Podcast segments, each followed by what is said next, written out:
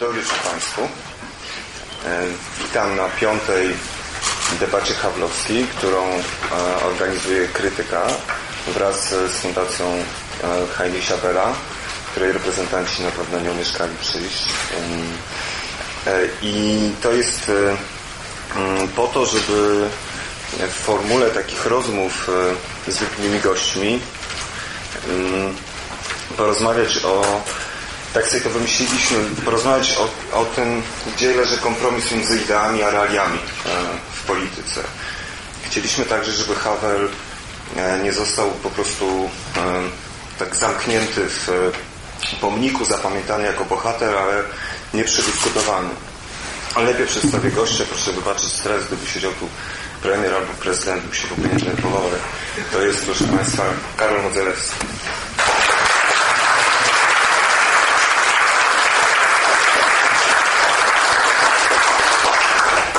Historyk, dysydent, wieloletni więzień polityczny, e, jedna z największych legend, e, jeden z największych bohaterów polskiej walki o wolność e, w XX wieku. Ale profesora Modzelewskiego wyróżnia także z tej wąskiej grupy dysydentów coś jeszcze, coś co wydaje mi się, że łączy pana profesora z Hawlem, z Jackiem Kuroniem i tutaj chyba już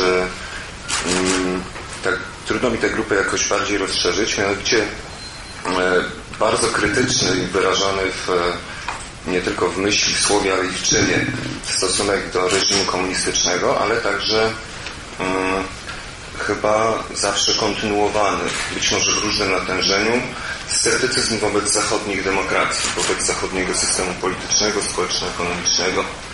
E, Havel, choć został prezydentem odniósł wiele sukcesów e, właśnie w czeskiej, najpierw czechosłowackiej, później czeskiej demokracji liberalnej, to jednak e, e, w swoich pismach od siły bezsilnych aż po autobiografię, która się nazywa tylko krótko proszę jest tutaj. Ja tego nie pokazuję, bo pan profesor już się kilka razy przestraszył, że będę odpytywał z tych pism, ale to nieprawda.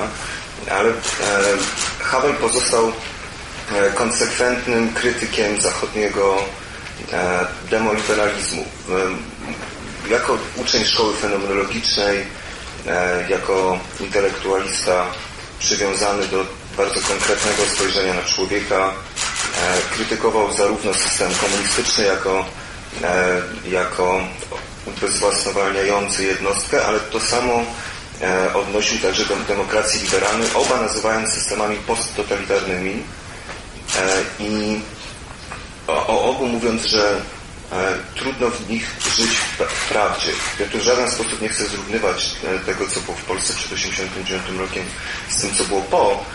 E, tym niemniej, jeśli dzisiaj krytykujemy stan obecnej polityki, sfery publicznej, jeśli w dzisiejszym tytule, w tytule dzisiejszej debaty nawiązujemy do tekstu Życiodajnej E, który jest napisany w 2006 czy 2007 roku i odnosi się bardzo krytycznie do, do Polski e, tej niedawnej, tej obecnej, e, to chciałem zapytać, czy, czy właściwie chciałem zapytać wprost, może od razu przechodząc do sedna sprawy, czy można być dysydentem w dzisiejszej Polsce, albo kto jest dysydentem w dzisiejszej Polsce, albo szerzej, czy można być dysydentem w demokracji liberalnej w takiej, jak ona jest dzisiaj. E, ja nie umiem odpowiedzieć, aha tutaj do, do mikrofonu, ja nie umiem odpowiedzieć na to pytanie, bo musiałbym najpierw być dysydentem, a ja się nigdy za e, dysydenta nie uważałem. To znaczy e, e, dysydenci jest to pojęcie e, e, związane z ruchem, którego m, mm, cała ekspresja się mieści w sprzeciwie moralnym. E, to dotyczy szczególnie dysydentów radzieckich, e, ale dotyczy oczywiście także karty 77, broń Boże, nie e, wydarzeń 68 roku, które były wielkim poruszeniem społecznym i politycznym i tam o dysydencji akurat z tego właśnie powodu trudno mówić. Muszę również od razu mm, zastrzec się, że nie byłem mm, tak sceptyczny wobec demokracji liberalnej, w każdym razie w swojej młodości, jakby mogło e, wynikać ze sformułowania problemu. E, ja no, wychowanie odebrałem najpierw radzieckie, w radzieckim domu dziecka. Później były kłopoty, bo przestawiono mnie z wielkoruskiego nacjonalizmu, prawdę mówiąc, czasu wojennego, w którym byłem wychowany, podobnie jak wszystkie moje koleżanki i koledzy z tego domu dziecka. E, żeby było pikantniej dodam, e, że był to dom dziecka dla dzieci zagranicznych towarzyszy, nie siedzących aktualnie. To znaczy nie będących wrogami ludu. Zatem dobry dom dziecka, ale bardzo e, stary mój, czyli Zygmunt Modzelewski, wtedy już przestał być wrogiem ludu, a potem już nie zdążył zacząć, więc, e, więc akurat trafiłem dobry moment i tam nam wszystkim, tym wszystkim dzieciom e, włoskich, e, francuskich, hiszpańskich, niemieckich, na ogół tatusiów, czasem i mamuś oraz rosyjskich mamuś, czasem tatusiów, E, tłumaczono i to wchodziło nam po prostu jak nóż w masło, że jesteśmy nadzieją Matki Rosji, która bohatersko walczy z zagrożeniem niemieckim. W ten sposób dowiedzieliśmy się, że oprócz rosyjskiego istnieje jeszcze jakiś inny naród i że jest to naród wraży, jest to naród niemiecki. O innych narodach, jak przystało na dzieci cudzoziemców, nic żeśmy nie widzieli. W ogóle nie wiedzieliśmy. Także mm, pierwsze, mm, więc nie wiem dlaczego ja się w to, w to zagłębiłem, szczerze mówiąc, ale chciałbym powiedzieć, że tak, dostałem najpierw edukację właśnie taką typowo radziecką, sowiecką, jak u nas się mówi.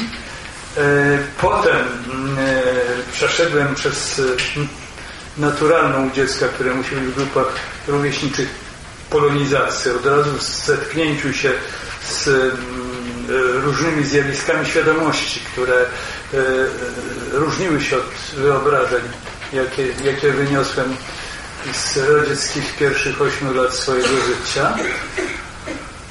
E, później przeszedłem przez ZMP i przez stalinizm, nie będę tego charakteryzował, e, bez wiedzy o tych elementach rodzinnej mojej biografii, które mogłyby mnie nastroić sceptycznie wobec tego systemu, ponieważ w tamtych czasach bardzo było niebezpieczne, również w domach komunistów. E, ojciec mój, e, znaczy drugi mąż mojej mamy, Zygmunt Modzelewski, był takim komunistą bardzo przekonanym, chociaż niezupełnie ortodoksyjnym i on, e, bo miał swoje doświadczenia z Łubianki na przykład, a także dlatego, że przeszedł, gdy trafił na emigrację do Paryża, to przeszedł jednak i przez działalność wśród górników, którą przedtem prowadził w Polsce, polskich górników, ale także przez obecność w salonach e, intelektualnych francuskiej lewicy, radykalnej lewicy powiedzmy. Także był nietypowy pod wieloma względami. No ale mnie się nie mówiło takich rzeczy, żadnemu dziecku się nie mówiło wtedy. Przy, przy dzieciach się nie rozmawiało, nie można było e, sięgnąć do innych słów, innych pojęć, innych wyobrażeń niż dziecko otrzymywało zewsząd, czyli z radia, telewizji nie było mówię to dla młodszych, e, z polskiej kroniki filmowej, z czytanek ze szkoły i z organizacji młodzieżowej jedynej już wtedy, czyli ze Związku Młodzieży Polskiej. Klaskaliśmy choralnie Stalin, Stalin. E, wszystkośmy to robili. E, aż w 1954 roku się dowiedziałem, przypadkiem od kolegi szkolnego, sprawdziłem to przy obiedzie w domu, że mój stary siedział w więzieniu w Związku Radzieckim w Moskwie. Go podpytałem i wtedy mi się przyznał, bo już ja miałem prawie 17 lat, 16 byłem w klasie maturalnej. On zresztą umarł dwa tygodnie później, resztę edukacji dokonała moja mama, która była córką Minszewika, też przeszedł przez łagry, wyszedł trzy tygodnie przed śmiercią, także wtedy miałem okazję go poznać na krótko. E, swojego naturalnego ojca, który był prostym radzieckim mm, e, podchorążym, po naszemu mówiąc, czyli e, elewem szkoły oficerskiej. Nie poznałem, bo w czasie wielkiej czystki w armii to sięgnęło aż do podchorążych i jego też wzięli na 8 lat. A jak on wyszedł z łagru, to dwa tygodnie przed jego wyjściem mamusia mnie zabrała do Warszawy i, i, i już nie spotkaliśmy się. E, e, więc e, to, tego wszystkiego się dowiedziałem później. To oczywiście było szokujące. Podobnie jak dla moich kolegów szokujący był 20 zjazd, dla mnie trochę wcześniej. To była historia rodzinna, której nie mogłem zakwestionować.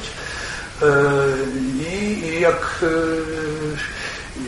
typowa bardzo reakcja dla ludzi wychowanych w komunizmie wtedy. To znaczy, jak się okazało, że wszystko to opiera się na, na fałszu, jak się zaczął walić ten e, e, świat twierdzeń oficjalnych, e, to e, odruchem prostym, ponieważ to oznacza rozpad poglądu na świat, rozpad obrazu świata i trzeba zbudować nowy obraz świata. Człowiek musi jakiś mieć z odłamków tego, który się rozleciał. E, I to jeszcze w dodatku młodzi ludzie robili to na zasadzie kontestacji po prostu odruchowej, jak tam to wszystko był system, który deptał wartości, które głosił, które co więcej nam wpoił, to znaczy, że należy ten system obalić, bo był zły. Nam na zły system się obojał przez rewolucję, tak jak nas nauczyli. Rewolucję robi klasa robotnicza, nie sama, tylko inteligencja musi mieć świadomość rewolucyjną. Tak się zdarzyło, że akurat przyszedł 56 rok i koledzy byli to akurat Jacek Kuron Krzysztof Wspomniany Andrzej Garlicki, do pewnego stopnia także Bogdan Jankowski, skierowali mnie do wnoszenia świadomości rewolucyjnej w klasę robotniczą w fabryce samochodów osobowych na Żerami. I tak się zaczęła moja droga. To nie była droga dysydencka. Tego tak się nie da nazwać. W tym nie ma samotnego, heroicznego sprzeciwu potrzeby życia w prawdzie. Oczywiście dałoby się tamtą retorykę naciągnąć do naszej, ale to my byśmy wzruszyli lekceważąco ramionami, gdyby nam wtedy ktoś tak e, powiedział. E, później, e, e powiedziałbym, cała reszta, od momentu, kiedy Władysław Gomułka ocalił naszą skórę, likwidując naszą rewolucję, od, od tego czasu właściwie reszta była takim nawracaniem mm, do tej niespełnionej rewolucji, bo to jest, myśmy tym jak skorupka za młody. Dla mnie bardzo ważnym momentem, to chcę powiedzieć, była e, właśnie kontakt pierwszy namacalny z demokracją liberalną. Ja e, byłem, ponieważ rewolucja została rozmontowana, na ogół każdy szukał, szukał sobie w życiu normalnym, tak zwanym jakiejś niszy. Moją niszą było i pozostało zresztą do dzisiaj e, badanie e, społeczeństw i kultur średniowiecznych. Byłem uczniem Geisztora na uniwersytecie i Geisztor mnie skierował do takie stypendium mm, e, do, do Wenecji. Włosi się zainteresowali polską archeologią, przy okazji, przy okazji wzięli jednego historyka archeologowie kopali, a ja tam coś badałem, miałem 24 lata, byłem bardzo młody i zobaczyłem, jak ta demokracja po w życiu codziennym, jak wygląda życie codzienne za przeproszeniem w wolnym kraju, czyli w kraju liberalnej demokracji. Bezpieka potem długo szukała, żeby znaleźć, czy ja przypadkiem nie poznałem we Włoszech jakiegoś trockisty, bo już ktoś mnie musiał zdemoralizować. Nie musiał.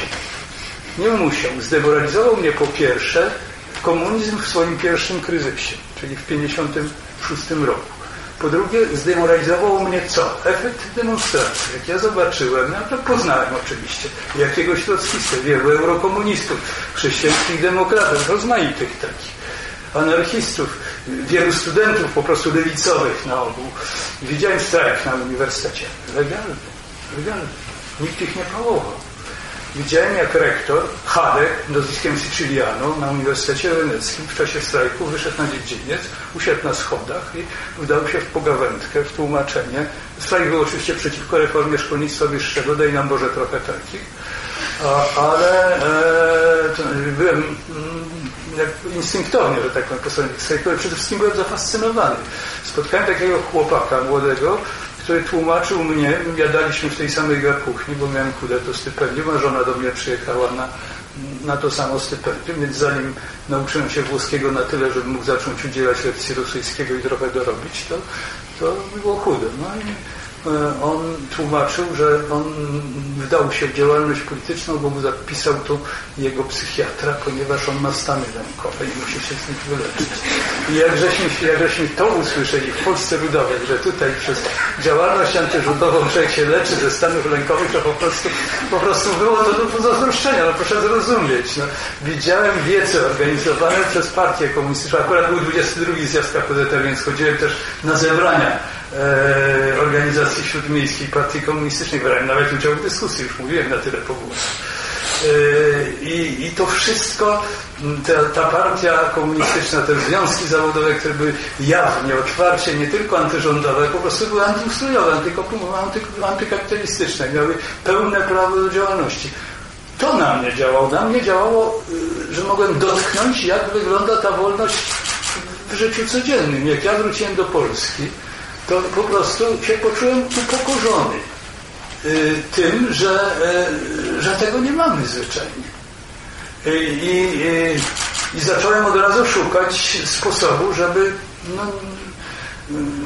bo przecież to, co słusznie nazywa Łagowski, przejście od totalitarnego reżimu do autorytarnego, czyli 56 rok, on e, sprawił, że każdy prywatnie mógł sobie myśleć, a nawet mówić w domu co chciał, byleby nie mieszał się do spraw publicznych. I był, proszę bardzo, niech sobie znajdzie niszę nawet e, intelektualiści w tych swoich e, teatrzykach, tak jak Grotowski, który najpierw robił rewolucję z nami w 1956 roku, potem zaczął robić awangardowy teatr. Świetnie, niech sobie robi awangardowy teatr. Niech się wyszumią w tej salce teatralnej, zamiast mają nam szumieć gdzieś na placach. I, i, i to wszystko mm, wydało, ta normalność wydała mi się po prostu nie do zniesienia normalność małej stabilizacji. Czy to jest dysydenckie? Nie. Jest buntownicze oczywiście. Dysydenckie nie jest. Nie, nie interesowało mnie żadne życie w wyższych wartościach moralnych. Cała ta retoryka dysydentów radzieckich, a w pewnym stopniu i czechosłowackich z karty 77, ona mnie nie brała, nie ruszała mnie. Więc chyba nie byłem dysydentem. A potem jak zaczęliśmy z Jackiem Kuroniem szukać sposobów, racjonalnie myśląc, jak ten system, jak mamy, że tak powiem, mm, reanimować tę naszą rozpoczętą i, rozmontowaną w zaraniu rewolucję, no to, e, to to była działalność praktyczna. To nie była, to była działalność polityczna. To, cośmy robili na uniwersytecie z e, klubem dyskusyjnym, z organizacją ZMS-owską, którą potem udało nam się zbuntować przeciwko partii. Oczywiście to nie mogło trwać, bo e, system miał dość wąskie granice, e, do, do, były te marginesy, w których on e, odmienność polityczną w sferze zależnej od partii, a także i w samej partii, bo Kuroń był w partii za jego sugestią. E, bardzo taką przekonującą dla mnie się też zapisałem, bo w 1957 roku mi powiedział, musimy być w partii, bo czy wróci ten cały stary stalinowski bałagan, czy, czy po, pociągniemy dalej rewolucję naszą, to się rozstrzygnie w partii oczywiście. Ja też tak uważałem i, i my tam musimy być. No i potem się rozstrzygało dla nas w partii na, naszej, na naszym tyłku i na naszej skórze. Prawda? E, to też nie była dysydencja. To też nie była dysydencja. I kiedyśmy zaczęli knuć i pisać. Nasz manifest y, taką, taką najbardziej skrajną postać rewizjonizmu, bo y, w zasadzie była to taka utopia, która, mm, utopia w sensie podwójnym, że nie było to realistyczne, ale także w tym sensie, że to, było, y, że to był pewien, pewna wizja raju na ziemi, prawda, proletariackiego i demokratycznego, nieodzowna do tego, żeby przeprowadzić marksistowskim języku, odwołując się wciąż jeszcze do wartości tej ideologii, y, gruntowną i radykalną, taką niszczącą krytykę tego systemu i, i, i, i wszystkich jego racjonalizacji. Więc y, herezja to to była, owszem. To jest taki ostatni moment herezji, kiedy się przekracza granicę między herezją zupełną apostacją. Ale dysydencja to chyba nie była. Potem był 68 rok. Czym był 68 rok? U nas się zawsze mówi o Żydach, bo to jest triumf, po, pośmiertny triumf Moczara, że on do tego to sprowadził. Ale w gruncie rzeczy 68 rok, w warunkach, gdy yy, yy, tak właśnie to nie było to, co ja sobie wyśniłem, bo ja uważałem, że na, na taki gryps napisałem z więzienia do kolegów, do Michnika i do innych. Udało, bardzo byłem dumny, bo udało mi się go przemycić pod nadzorem samego kierownika działu ochrony w więzieniu karnym w Barczewie. Wtedy dostałem takie specjalne, niby luksusowe widzenia. Akurat się ukazał list otwarty, zaczęło się coś tam dziać na uniwersytecie. Są stolik, osobny pokój, główny nadzorca polityczny z całego kryminału. Ja podałem ten gryps swojej mamusi. Mamusia była wytrenowana w ławach radzieckich. Łyknęła gryps bez, bez mrugnięcia okiem, a on nic nie zauważył. Dumny byłem. No, doszło do kolegów. Koledzy przeczytali, że ja piszę, że nie trzeba się głośno wychylać, tylko po cichu iść z tym, cośmy napisali do klasy robotniczej i, i budować, prawda, organizację rewolucyjną. No I głośno się z tego śmiali, a ponieważ mieli podsłuchy w mieszkaniach, to ten nieszczęsny kierownik działu ochrony został opieprzony odpowiednio. Na następnych widzeniach. Ja już nie wiem, że tego Grypsa to mamę moją zrewidował. Mm, to było śmieszne, bo przed tym mi salutował do, do Dafa tam obcasami, bo dla niego to ona była oczywiście wdową po jednym z budowniczych Polski Ludowej, a on był zbrojnym ramieniem tej Polski Ludowej. To jest skipiszował ją jak należy, ale nic nie znalazł, bo nie było. No więc, y, krótko mówiąc, znalazłem się w sytuacji przymusu. 68 rok to była y, sytuacja bez wyboru, dlatego że mm, zwrot dokonywany przez partię, przez oba nurty w partii, rywalizujące ze sobą w kierunku likwidacji tych e, e, obszarów swobody kultury w zasadzie, szkolnictwa wyższego, twórczości artystycznej i tak dalej, które były pomyślane po pierwsze, jak powiem, możliwy zakres liberalizacji, który mógł zostać po 1956 roku, później jako wentyl bezpieczeństwa. Niech się wyszudą w tych swoich tam końcach. E, ale te końce zaczęły potem, jak się zastało napięcie, to zaczęły działać nie jako wentyl bezpieczeństwa, jako taka szczelina, przez którą się niezadowolenie społeczne naprawdę wydobywało, nie trzeba je było pozamykać. E, Moczar to chciał zrobić po swojemu, bo już oni rywalizowali o władzę, Gomułka po swojemu, jedni drudzy chcieli. E, no i ponieważ inteligencja się do tego przyzwyczaiła, to się bez oporu i protestu obyć nie mogło i to wciągnęło tych młodych ludzi za których się czuliśmy odpowiedzialni w taką spiralę działań, e, która zakończyła się pierwszym wybuchem, detonatorem, że tak powiem, wydarzeń marcowych. E, była to, można powiedzieć, ze strony władzy ludowej dla nas propozycja nie do odrzucenia, ale to nie była ta, ta walka, którą ja sobie wymarzyłem. No, potem jeszcze przyszło w kryminale przeżyć traumę e, inwazji w Czechosłowacji a jak wychodziłem w 1971 roku we wrześniu z więzienia, e, to e, uważałem podobnie jak e, jak jak nie jak realiści w 1956 roku uważali, że Gomułka zapewnia nam to, co możliwe. Nie wygłupiajmy się. Tak ja uważałem. W 71, 2, 3, 4 jeszcze, że Gierek nam zapewnia to, co możliwe po Czechosłowacji. Bez rojeń o tym, że e, każdy zryw rewolucyjny odbije się takim echem w całym e, Imperium Radzieckim, że wszędzie ta, ta fala rewolucyjna się wzniesie i radzieccy czołgiści oczywiście przejdą na naszą stronę. To jest słuszna strona, także z ich punktu widzenia.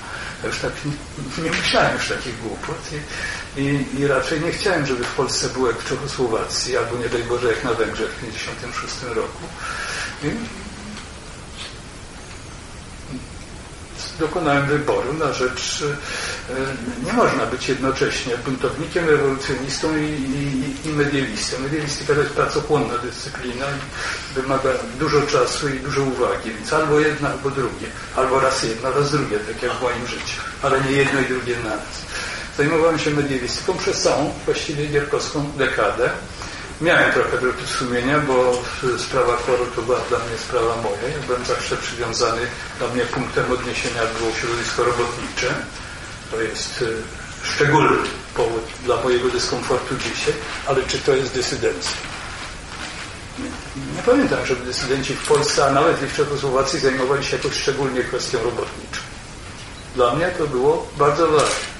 Dla mnie KOR był oczywiście ważny, ja troszkę współpracowałem, bardzo sympatyzowałem, a w 80 roku, jak się zaczęła rewolucja, no to mnie po prostu wciągnęło i też się bałem, jak wszyscy, że, że to się niedobrze dla nas skończy. Tak jak nas uratowali w 56 roku Węgrzy w pewnym sensie, wzięli to na siebie, tak jak w 70 roku Moskwa była skłonna zaakceptować gierkowskie rozwiązania, a nawet sugerować je, ponieważ nie bardzo była skłonna do e, drugiej awantury. Po 1968 roku dwa lata minęły i troszeczkę, a nim się to jeszcze czkawką odbijało. Tak jak e, w 80 i 81 roku uratowało nas to, że armia radziecka była zajęta biciem afgańskich pastuchów w wysokich górach, no to jednak daję Państwu słowo honoru, że było czego się bać. Więc ja próbowałem na swój sposób, bo nie byłem doradcą, tylko byłem działaczem związkowym. Miałem, wreszcie byłem w tym swoim wyśnionym żywiole Znacznie bardziej niż na Żeraniu w 1956 roku. I głębiej można powiedzieć. No i potem się skończyło stanem wojennym, czyli powiedziałbym, no, generał Jaruzelski jest bardzo chory, więc trzeba jakoś powiedzieć, że się coś tam mówi tak jak on. Czyli złem mniejszym niż można się było obawiać. Tak, tak bym to nazwał. E, I znowu posiedziałem. Władza ludowa była, jak to generałowie, to podobni są do Hamleta u nas. Ciągle mają takie inteligenckie wahania, nie umieli nam procesu zrobić, zresztą słusznie, byłby to proces bardzo kosztowny dla nich i idiotyczny, prawdę mówiąc. E, I nas trzymali tak w pudle, trzymali, potem nas puścili, musieli zrobić specjalnie amnestię dużą, żeby nas puścić. E, no i, dopiero jak wyszedłem, właściwie powinienem był to wiedzieć w internowaniu, gdzie dorzucano nam czasem takich mm, aktywnych bardzo robotników z warszawskich, na Białękę z warszawskich fabryk, że podziemie już nie jest tym, czym była dawna Solidarność, że to nie jest prawda, że Solidarność żyje, że nam miło jest tak myśleć, ale jeżeli mamy myśleć trzeźwo, to musimy się z, tym, z tą fikcją rozstać. I to zauważyłem, jak wyszedłem na wolność w 1984 roku. E, zaskoczeniem był dla mnie okrągły stół. Oczywiście uważałem, że to jest, jak już to do tego doszło, to uważałem, że bardzo dobrze, że to trzeba robić.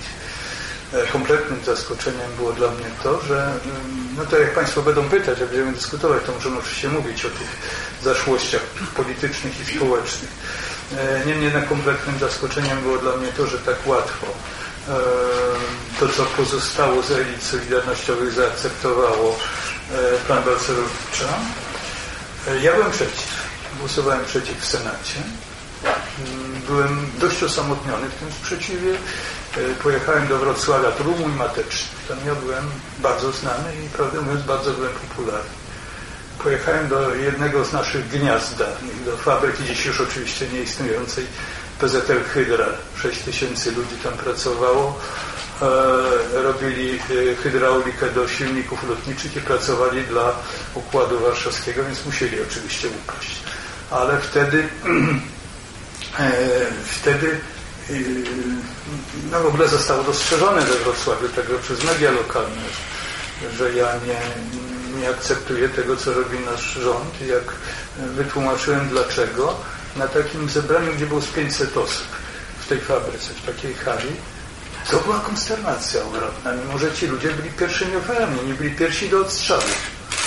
E, jedna tylko kobieta wstała, taka 50-letnia i powiedziała mnie, teraz mówią, że ja mam być przedsiębiorcza, ja mam pięcioro dzieci, 50 lat. Jak ja mam być przedsiębiorcza, kim ja mam zostać teraz, żeby te dzieci wyżywić swoje. E, ale tak to no była po prostu konsternacja. Nasz człowiek, prawda, nasz lider, taki stosunek do liderów związkowych był wtedy bardzo niebezpieczny narkotyk, był dość czołobitny. I, i, e, i tu raptem nie podobał mi się, co robi nasz rząd. No ale stało się nie tylko u nas, tylko wszędzie. Dlaczego się tak stało? Dlaczego taki kształt przybrały przeobrażenia ustrojowe po upadku komunizmu w obszarze Imperium Radzieckiego? To jest osobna kwestia do poważnej dyskusji oczywiście. Historyczna w gruncie rzeczy już teraz. No ale ja w tym, nigdy się nie czułem dysydentem, jeżeli mogę tak odpowiedzieć. Więc nie bardzo umiem odpowiedzieć na, na to pytanie, ale może przy okazji nie odpowiadając na to pytanie, coś tam udało mi się wyjaśnić. Nie, nie aż tak bardzo chodziło o ścisłość e, e, tych pojęć między e, dysydentem, a na przykład opozycjonistą. Słucham? A, a opozycjonistą pan w ogóle był? Byłem, oczywiście. Okej. Okay. Natomiast właśnie, ścisłość pojęć. To mi przy, przychodzi na myśl ten tekst, od którego zaczęliśmy, a ten tekst chuligański impuls Życiodajny impuls chuligaństwa, który właśnie dotyczy tekstu o ścisłości pojęć. Mianowicie jest poświęcony Kołakowskiemu jako współautorowi takiej analizy sądowej, E, która miała rozróżnić między e, pojęciem czym są wiadomości, czym są opinie i czym są interpretacje. Tak. E, I sąd odrzucił tę analizę. I Pan cytuje w tym tekście niedawnym, co podkreślam, uzasadnienie, które jest jednozdaniowe i, i brzmi, mam je dokładnie zapisane, no, brzmi więcej tak, że przecież Przecież każdy wie, co to jest wiadomość, nie ma potrzeby zastanawiać się nad tym. To był Sąd Najwyższy, ten, który odrzucił, dlatego że to e, opinia została, ona, jeśli dobrze pamiętam, mogę się mylić, to właściwie trzeba zajrzeć do Kryszkiego, który jest dla mnie też o, o, oparciem w różnych lukach pamięci. Bo mnóstwo się dowiedziałem z tych dokumentów. Nie, nie chodzi o to mówić, że przecież każdy wie, kto to jest dysydent, e, ale... Nie, każdy wie, co to jest wiadomość. Bo e, sąd e, w ustnym uzasadnieniu nie było pisemnego uzasadnienia, bo to jest e, wniosek obrony, żeby zaliczyć to w poczet materiału dowodowego. I sąd wtedy procedura jest taka, że sędzia prowadzący do tych dwóch po, po jego lewej i prawej stronie, po czym komunikuje decyzję sądową i sąd postanawia nie zaliczać, no bo nie ma takiej potrzeby, ponieważ każdy rozumie, co to jest ocena, e, co to jest interpretacja i co to jest wiadomość przede wszystkim, co to jest fałszywa wiadomość. No.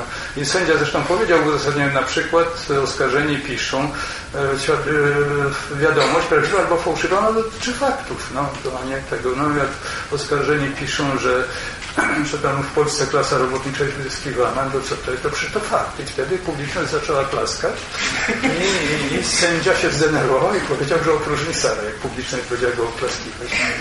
Nie podobało mu się. Ale tak, tak rzeczywiście było. Nie był to sąd. W przeciwieństwie do tych, którzy nas skazali w roku 68, a właściwie w styczniu 69, E, czyli sędziów. Ale jeszcze nie było pytania. Natomiast, e, natomiast to mi przypomina, bo nie wspomniałem o tym na początku, że możecie się Państwo spodziewać już niedługo książki autobiograficznej e, pana profesora, bogatej w fakty i rozumiem dotyczącej tych wszystkich wydarzeń właśnie w kontekście autobiograficznym, ale nie chodziło o obu pytaniach. W tym pierwszym nieudolnie zadanym i w tym drugim, który, które, którego mi się trochę nie udaje zadać, o, raczej o współczesność. E, e, bo nie dlatego, żebym nie, nie cenił albo nie uważał debat e, historycznych albo, albo w ogóle życiorysu pana profesora i, i, także Wacława Hawla, Jacka Kuronia, wielu innych postaci musi w pewnym sensie tym e, mm, może nie zawodowo, ale często e, zajmujemy. Natomiast e, myślę, że Państwu raczej należy za, za, zaproponować rozmowę o tym, co jest dzisiaj, e, którą można poprowadzić, jeśli da się wyprowadzić pewne analogie. Przy czym, jak mówię, nie chodzi mi o takie prymitywne analogie, jak e, relatywizowanie e, systemu dzisiejszego i wszystkich innych, takie narzekactwo ogólnie, tylko coś, problem, który mi się wydaje dużo bardziej poważny.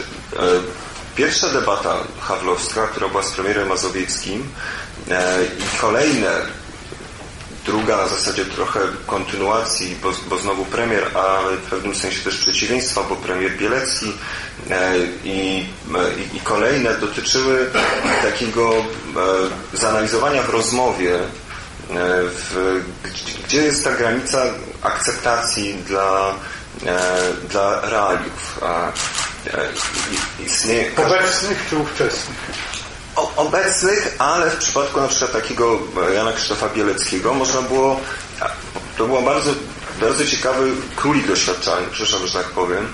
Nie chodzi mi o to żadne podobieństwo ani, ani, ani żadne inne rzeczy, tylko to, był, to, jest, to jest człowiek, który w latach 80. E, należał do podziemia e, e, swoich w swoim, w swoim życiu spotkał osoby, które były jego rówieśnikami, e, które używały argumentu z realizmu politycznego, odwodząc go od tej działalności, mówiąc mu, chcesz być jakimś harcerzykiem, chcesz e, zmarnować swoje życie, chcesz być po takim 40-letnim e, sfrustrowanym człowiekiem, który właśnie nie, nie zdążył zrobić kariery, daj spokój, wypisz się z tego, bądź poważny. Później tych samych argumentów w pewnym, nawet nie w pewnym sensie, tylko wprost Jan Krzysztof Bielski używał bardzo często na przykład zdarzało mu się używać do nas, tak, w takim sensie mówiąc nam, że co wy tutaj narzekacie, albo się zapiszcie do, do, do jakiejś partii, albo, albo, albo się w ogóle przestańcie zajmować polityką, bo a, na, a, na pytania podczas tej debaty e, mm, gdzie e, dostrzec można konsekwencję światopoglądową wśród, nie wiem, u takich polityków jak Donald Tusk czy Jan Krzysztof Bielecki. E, on prze, przerywał takie, e, takie wyjaśnienia, mówiąc, słuchajcie, na końcu trzeba wygrać wybory.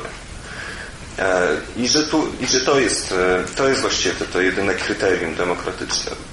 Skuteczność polityczna, skuteczność przy urnie wyborczej, chyba z dość daleko rozciągniętą wolnością albo dowolnością wobec, e, wobec metod. Przy czym oczywiście nie chodziło tu o żadne drastyczne wydarzenia. A to kto? Tusk czy Bielecki? Ja Krzysztof Bielecki akurat. E, no i, i, i, i ponieważ, e, mm, ponieważ właśnie dostrzec można było taką, taką sprzeczność i kontynuację zarazem to ten problem realizmu politycznego, ten problem tego, co można zaakceptować, co można kupić, w sensie, co można uznać za normalne, co należy uznać za zdrowy kompromis z tą rzeczywistością polityczną, e, to jest coś, co wydaje mi się e, warte jest pytania zawsze, a, ale w, tym, w, tym, w, tych, w naszych realiach także, a, a na dowód przytoczę pan, Pana własne słowa.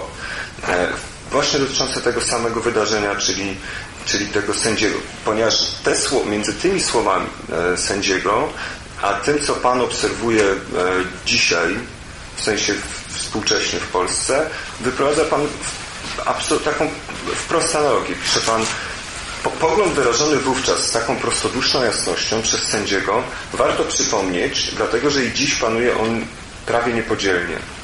Wyznają go ci ekonomiści, którzy swoją dziurawą i kontrowersyjną wiedzę przedstawiają niczym tabliczkę mnożenia, wyznają go ci dziennikarze, którzy powielają komunały, wyznają go ci wszyscy, którzy nie widzą potrzeby zastanawiania się nad tym, co oczywiste, ani kwestionowania tego, co ogólnie przyjęte. Tak objawia się atrofia krytycznego rozumu. To proszę najpierw skomentować, a ja później mam następne pytanie. Tak, no, e, może zacznijmy od e, tego, od aksjologii i, i praktyki politycznej, bo tego dotyczy właśnie główne pytanie czy należy schować aksjologię do szuflady, bo ona przeszkadza w skuteczności. E, tylko skuteczności czego? Aksjologia w zasadzie jest od tego, żeby nam wskazywała cele, a polityka i, i skuteczność to, to jest kwestia metod używanych do realizacji tych celów. Czy należy z góry rezygnować z takich wartości, które wydają się być nieosiągalne? Moim zdaniem Y, e, i, i całe moje doświadczenie wskazuje, że nie. Że nie. To znaczy tego nigdy ja przynajmniej nie robiłem i do tego Państwa nie namawiam. I ponieważ ja w ogóle mam takie przekonanie, że Państwo w tym gronie i w tym miejscu nie należą, należą do moich ulubionych słuchaczy, mojej ulubionej y, y, publiczności, tylko ja nie mam e, ani cienia wątpliwości, że tego, co ja bym poradził ewentualnie, to Państwo i tak nie posłuchają i słusznie zresztą. ale e, moje doświadczenie i w tym wypadku rozumiem, że ono się raczej spotka tu z aprobatą, jest takie, że e, jest nie chcę używać słowa zdrada, bo ono ma znaczenie moralne, zdradą samego siebie, znaczy jest kapitulacją.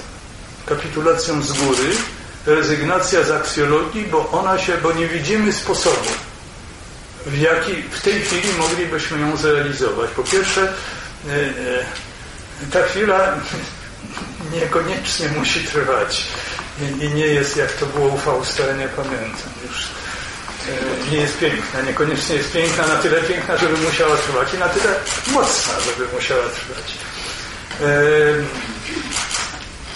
Moje doświadczenie jest takie, żeśmy próbowali na bieg historii no, poruszyć bryłę świata. No i nam się udało, a wyszło jak zwykle, jak u Czernomyrlina. Chcieliśmy dobrze, wyszło jak zwykle. Teraz e, Państwo oczywiście powiedzą, że nam i słusznie, że nam wyszło jak zwykle, to Państwo teraz to wywrócą albo poprawią. To jest nieuchronne, że Państwo tak powiedzą i tak Państwo będą robić. I nieuchronne jest moim zdaniem, że Państwo będą się w tym kierować aksjologią, a nie e, kalkulacją realistyczną. O kalkulacji realistycznej nie należy zapominać, żeby mieć jakieś szanse na realizację tych wartości, ale kalkulacja realistyczna jest, przepraszam, że użyję takiego stalinowskiego żargonu, w tym wypadku jest kwestią taktyki, a aksjologia jest kwestią strategii. Nie można zgubić tej busoli, nie powinno się jej gubić. Ale ja się zgubiłem, żeby mi przypomnieć, w którym miejscu pytania jesteśmy. Mm, bo ja tu może nie pułapkę, ale taki suspens przygotowałem trochę, więc właściwie może Pan... Przepraszam, ja nie. Nie, nie, nie. Chodzi o to, że e, Pan... pan, pan A, Bielecki. Nie, może nawet... Możemy. Bardzo lubię Bieleckiego, bardzo go lubię, bo nikt tak szczerze nie powiedział, że... E, e, te fundusze emerytalne to przekręt jest i że trzeba z tego przekrętu zrezygnować. No, brawo za to. To jest człowiek, który po pierwsze jest to człowiek trzeźwy, nie, który wie o czym też mówi. bardzo popieraliśmy, to prawda. No więc mnie się naprawdę bardzo dużo mi się w tym, co robi ten rząd. Ja dawniej mówiłem w życiu, ręka mi uschnie, jak ja będę głosował na Platformę Obywatelską, ale już mi się zdarzyło. E, więc e, i zdarzyło mi się nie, nie z aksjologicznych powodów, tylko ze względów bezpieczeństwa, tak powiem po prostu, bo, bo nie chcę, żebyśmy się ześliznęli ponownie. Byliśmy już raz na takiej równi pochyły do państwa policyjnego. Ja rozumiem, że PiS e, e, nawiązuje kontakt z poszkodowaną i porzuconą częścią polskiego społeczeństwa. E, tylko nie podoba mi się to, że ten kontakt jest nawiązywany, kilka rzeczy, ten kontakt jest nawiązywany w emocjach negatywnych, a nie w propozycjach rozwiązań. Wspólnota między a ludźmi poszkodowanymi i sfrustrowanymi to jest wspólnota emocji negatywnych.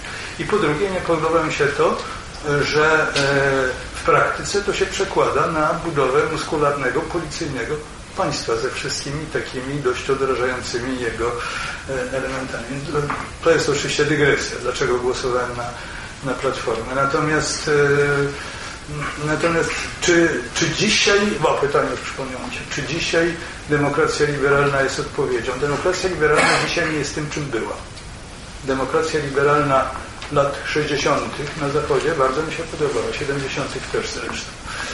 E, dlatego że była związana z e, pewnym rozwiązaniem społecznym i ekonomicznym, które e, zapewniało w sposób realistyczny realizację na tyle, na ile to było możliwe, pewnych wartości związanych ze sprawiedliwością społeczną. Ja mówię wielkim skrótem, ale mam nadzieję, że Państwo rozumieją o co chodzi. Chodzi mi o, o, o stworzony przez socjaldemokrację, choć nie tylko przez nią zachodnioeuropejską, choć nie tylko przez nią, no, także w New Dealu w Ameryce przecież, praktykowany model tak zwanego państwa dobrobytu, państwa opiekuńczego i tak dalej. Dzisiejsza demokracja nie jest w stanie tego robić, ponieważ e, ona jest bezsilna. Ona jest bezsilna z powodu globalizacji. Tego ja Państwu chyba nie muszę tłumaczyć. To, co decyduje o, o zjawiskach ekonomicznych, czyli faktycznie poruszenia globalnego kapitału finansowego, znajduje się całkowicie poza kontrolą państw narodowych, a innych struktur, które mogłyby to kontrolować, nie ma. Przykro mi bardzo powiedzieć to w tym gronie, bo rozumiem, że Państwo nie mają w dużym poważaniu wartości narodowych, ale nie istnieje demokracja ponadnarodowa. Nie ma czegoś takiego dotąd na świecie. Nie istnieje ani demokracja europejska, mimo że istnieje już Europejski Parlament, e, ponieważ nie istnieje Europejskie Społeczeństwo Obywatelskie do tej pory i tym bardziej nie istnieje demokracja na szczeblu E, globalnym. No ONZ chyba nie będziemy się rozśmieszać twierdzeniem, że to jest jakiś substytut demokracji. E, więc dopóki nie zostanie, stoimy w obliczu sytuacji, kiedy lewica europejska, czyli socjaldemokratyczna, ta, która się jeszcze jakoś tam, przynajmniej formalnie, organizacyjnie stała, jest bezsilna, jeśli chodzi o realizację praktyczną i jej patentu na sprawiedliwość społeczną, na, czyli na politykę gospodarczą, która wyrównuje dramatyczne nierówności między ludźmi i która zapewnia jednocześnie minimum bezpieczeństwa strukturą ekonomiczną, również globalnym strukturą ekonomiczną, co widać po tym kryzysie. Wskutek tego E, lewica europejska, która przyzwyczaiła się do parlamentarnej działalności, nie wykracza poza ten horyzont parlamentarnej lub rządowej i będzie wobec tego bardzo pragmatyczna, nie ma nic do powiedzenia.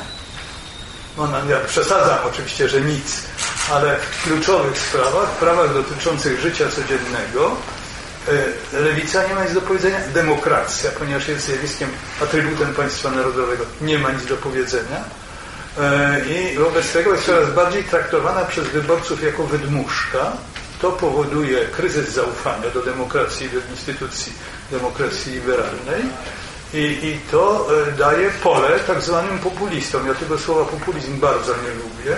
Po pierwsze dlatego, że jest to inwektywa. Po drugie dlatego, że jest to inwektywa e, zrobiona z łacińskiej nazwy ludu, co mnie się z różnych innych powodów nie podoba. Ale jeżeli zdefiniować populizm jako taki sposób uprawiania bieżącej polityki, który polega na wygrywaniu ludowej wrogości wobec elit, czy frustracji wobec elit, to to jest właśnie to, to jest populizm. I w tej chwili e, te środowiska społeczne, które były, że tak powiem, matecznikiem lewicy, są w rękach populistów. Lewica nie jest w stanie, póki nie wyjdzie poza dotychczasową formułę, nic uczynić dla odzyskania kontaktu z tymi środowiskami społecznymi.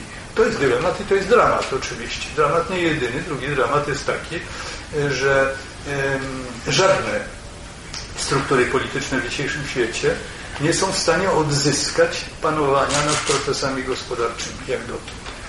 E, wydawało się, że może to e, zrobić Unia Europejska. Oczywiście nie zrobi tego żaden, żadne państwo narodowe, nawet duże, już nie mówiąc o takim małym jak Węgry, metodą e, sugerowaną przez nacjonalistów, to znaczy metodą oszańcowania gospodarki narodowej i e, obrony, protekcjonistycznej obrony przed dominacją tego wszystkiego, co narzuca właśnie bezosobowy, jakby się wydawało. On jest oczywiście osobowy, jak wszystko co ludzkie, ale, ale ponieważ nie ma, nie ma mózgu, nie ma, nie ma kierownictwa, nie ma struktury kapitału, kapitału finansowy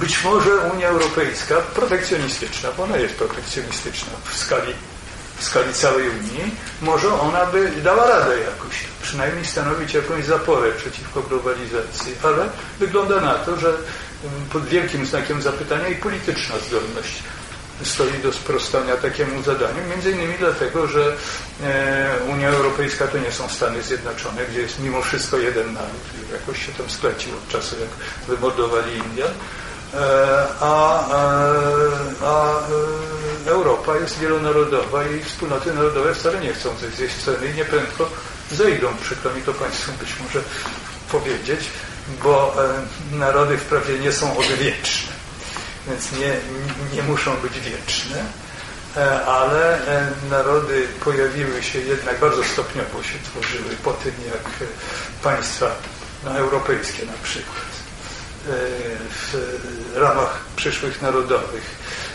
e, zniszczyły i wykorzeniły poprzednie wspólnoty etniczne, mniejsze od nich, czyli plemiona europejskie. To już teraz jestem na swoim podwórku i mogę mówić kompetentnie, a nie na słowo honoru. E, ale e, to nie znaczy, że narody znikną, bo nie można uprawiać interwencjonizmu, bo narodowe państwa nie mogą uprawiać polityki interwencjonistycznej, ponieważ narody istniały przed Keynesem, i, i będą istniały po Friedman. I prostu musimy się z tym liczyć, bo to są realia, więc y, między tymi wszystkimi realiami trzeba się liczyć z czym, jeżeli mogę po, trochę poprognozować. Ja tego nie bardzo lubię robić, bo jestem od dziejów, a nie od będzienów, jak, jak Len nazywał futurologię. No ale wydaje się jednak, że może dojść do no logicznie, doszło do prób okiełznania przez wielkie siły polityczne e, tego e, pozbawionego jakiejkolwiek kontroli, również prawnej kontroli e, kapitału globalnego. No ale można różnie próbować okiełznać. Można środkami naj, środkami walki o hegemonię globalną na przykład polityczną, walki o, o władzę nad światem, tośmy już widzieli, one odbywają się na ogół środkami militarnymi, a w każdym razie przy użyciu uciekaniu się do środków militarnych, a arsenały i armie są wciąż we władaniu państw narodowych. No i, i tyle ja bym powiedział bez nadmiernego optymizmu. To nie jest, ja nie wyczerpałem chyba pańskiego pytania, które było bardzo rozległe.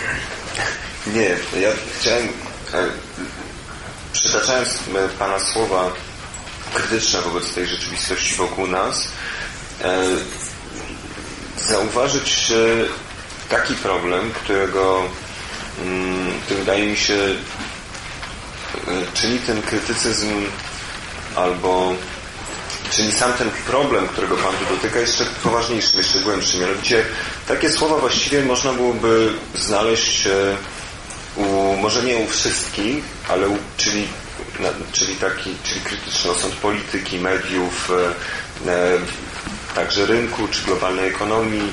Mm, kłopot tylko polega na tym, że e, sama świadomość e, krytyczna, czy, czy, czy sam sceptycyzm wobec tych instytucji, albo sama, samo uznanie i zorientowanie się w ich degeneracji e, przestało, przestaje prowadzić do jakiejś, e, może nie tyle chęci, co po prostu do zmiany tego. Chodzi mi o to, że, że dzisiaj prawie wszyscy uważamy, nawet właściwie nawet ci, którzy są nośnikiem tych problemów, czyli każdy dziennikarz, łącznie z dziennikarzami z tabloidów, opowie o, tabli, o tabloidyzacji mediów. Każdy polityk wypowie ileś, ileś słusznych i sensownych e, zdań na temat tego, jak, e, e, jak, jak, jak, jak ta polityka zeszła na psy. Każdy, nawet ekonomista dzisiaj w tej chwili, sam Pan przytoczył nie wiem, czy zmianę poglądów Jana Krzysztofa Bieleckiego, ale pewną świadomość tak, też krytyczną. Że jest to zmiana E, zmiana oparta na empirii, na, na, na pewnej praktyce, doświadczeniu władzy i doświadczeniu także władzy gospodarczej. Ale chodzi mi o to, że, e, że, że wiemy, że robimy źle i robimy to dalej. Znaczy wiemy, że uczestniczymy w sytuacji, która jest e, e, właściwie pogarsza naszą, naszą sytuację i robimy to dalej. E, sama świadomość tego, że jednostronna globalizacja E, zabija demokrację. Sama świadomość tego, że wolny rynek e, czy komercjalizacja mediów psuje w ogóle, zabija ich istotę. E, to samo, to, to samo z polityką i z wieloma innymi bardzo ważnymi instytucjami życia społecznego. Nie prowadzi to już do zmiany żadnej. Czy wydaje się, że ta krytyka jako, jako pewna praca poznawcza nie, nie, prowadzi, nie, ma, nie tyle nie prowadzi już do działania, czy nie mobilizuje do działania, tylko znika chyba jakakolwiek podstawa, podbudowa. E, być może taką pod, podstawą, podbudową mogła być więź, zaufanie. Być może za mało jest zaufania między nami, żebyśmy mogli, żeby mobilizowała nas w ogóle taka świadomość krytyczna, która moim zdaniem jest dzisiaj dość powszechna. Znaczy to nie jest żadne wielkie odkrycie, że wypowiemy ileś krytycznych słów na temat globalizacji, mediów, polityki i tego wszystkiego. Wiemy to wszyscy, a mimo to uczestniczymy w tym dalej. Albo akceptujemy przynajmniej, albo wręcz uczestniczymy. Pójdzie Pan do wyborów zagłosuje Pan na Platformę i być może ja będę najracjonalniej się zachowam, jak zrobię to samo. Nie, no ja nie mówię o tym, jak to ma głosować, bo każdy sam nie, to, też to nie jest istotne akurat, na, chyba zwłaszcza na tym zebraniu nie jest istotne, na tym spotkaniu. Nie, nie, ale włączymy te same media, kupimy te same gazety, będziemy zainteresowani mniejszym, większym oglądali spór tych samych partii, kupimy te same produkty, obejrzymy te same reklamy i tak dalej, i tak dalej. To nie, pan, nie, pan jest zwolniony jako człowiek, który już wykonał swoją robotę, ale właściwie wszyscy inni, którzy, którzy w tym uczestniczymy, nie tyle nie bardzo wiemy, co mamy robić, tylko świetnie wiemy, że, że uczestniczymy w czymś złym, e, a, a mimo to... Znaczy, pytanie, jak rozumiem, dotyczy sposobu przełożenia niezadowolenia aksjologicznego na działanie praktyczne w tej sytuacji. Nie, nie, zupełnie nie. Przez wiele dekad, i Pan używa tego pojęcia krytyki w ogóle, to jest pojęcie filozoficzno-polityczne. Uważano, że takie, taka oświeceniowa świadomość uważała, że e, człowiek robi coś źle, dlatego że nie wie, że brakuje mu świadomości, że należy skrytykować ten świat, dostarczyć mu wiedzy, pokazać, gdzie jest błąd i e, i, i, i, i, można ustanowić, jak, można dać jakąś podstawę do zmiany tego świata, poprawienia go. E, to, co się zmieniło, to jest e, to, że ten rozum instrumentalny, który dotąd krytykowano w tej rzeczywistości, która nas otacza, czy nowa komunistyczna, kapitalistyczna, czy w jakikolwiek inny sposób e, opresywna, zamienił się w taki rozum cyniczny, znaczy taki rozum, w którym my mamy świadomość, wiemy właściwie, odrobiliśmy te lekcje oświecenia, wiemy, co wokół nas nie działa, a zarazem nie podejmujemy się w żaden nie tylko masowy, ale nawet mniej niż masowy sposób zmiany tej rzeczywistości. Więc to nie jest pytanie o sposób, to jest pytanie właściwie o to, że nauczyliśmy się żyć z tą świadomością krytyczną, ona, nam, ona nas nie uwiera. O przyczyny bezradności Pan pyta, czy, czy o diagnozę, jakby to powiedzieć, intelektualną tej bezradności? Raczej o to, o to drugie. To znaczy, dlaczego tak się dzieje, że wiedząc, że uczestniczymy w czymś niedoskonałym, gotowi jesteśmy uczestniczyć w no, nim. No może niedoskonałym, ale takim, które stacza się w sposób niepokojący ku niewiadomej. Przybierności dość powszechnej. To znaczy bezradności, to nie jest nawet bierność, bo ci, którzy Państwu doradzają, żeby Państwo w wyborach uczestniczyli i do jakiejś partii się zapisali i zostali, bo ja wiem, nosili teczki potem z jakimiś posłami, a może czasem sami dostali, czasem sami dostali posłami, to proponują e, jakąś zaradność, ale to, to E, rozumiem, że to nie wchodzi w rachubę. Może i dobrze, że nie wchodzi w rachubę. Ja nie jestem oddawania Państwu recept oczywiście. Bo jak żeśmy już swoje spieprzyli, to teraz trzeba poczekać, żeby Państwo z kolei zrobili swoje i też spieprzyli. To jest naturalna kolej historii. Tym się proszę w przyszłości, jak na Państwa przyjdzie ten moment samooceny, cośmy, co nam wyszło z tego, cośmy zrobili, bośmy zrobili, prawda? Zmieniliśmy świat, no i co? Zadowoleni jesteśmy? Niektórzy udają, że są zadowoleni, inni są zadowoleni, bo, bo zrezygnowali z różnych tam ambicji wykraczających poza horyzont prywatny, e, a inni są niezadowoleni. Ja jestem niezadowolony, dlatego że to ja może od tego zacznę, od swojego niezadowolenia. Jestem niezadowolony głównie dlatego, że przez ten rodzaj, y, wydaje mi się, że bardziej niż większość moich kolegów, może nie bardziej niż Kura, ale bardziej niż większość moich kolegów, czułem się związany pewnym układem odniesienia i pewnym rodzajem lojalności wobec roboli. Znaczy wobec tych, którzy, jak Państwo chcą nazwać, y, beretów moherowych, ludzi w beretach z antenką i w kufajkach, krótko mówiąc, wobec tej pogardzanej e, ludowej Polski, która w, moim, w, moim, w mojej biografii politycznej zwłaszcza to była Polska robotnicza, czyli Polska nie to, że niknąca całkiem, ale topniejąca i tracąca siłę w wyniku e, tych przemian, które zwłaszcza te, tej transformacji, którą mieliśmy w Polsce i zresztą podobnie jest także w innych krajach pokomunistycznych, chociaż nie wszędzie w tym samym stopniu. Y, dla mnie to jest pewnego rodzaju dyskomfort wewnętrzny, nawet poczucie wstydu. Nie tak często zdarza mi się spotykać z działaczami y, robotniczymi, zwłaszcza takimi, którzy y, źle wylądowali, czyli z tymi, którzy są w sytuacji takiej jak większość ich kolegów. No ale spotykam ich oczywiście, a także poznaję nowych. Mam takich sąsiadów. I yy, nikt mi nie wytyka tego, że coście, coście narobili, ale mnie jest, szczerze mówiąc, głupio. Ja nie lubię, jest mi głupio.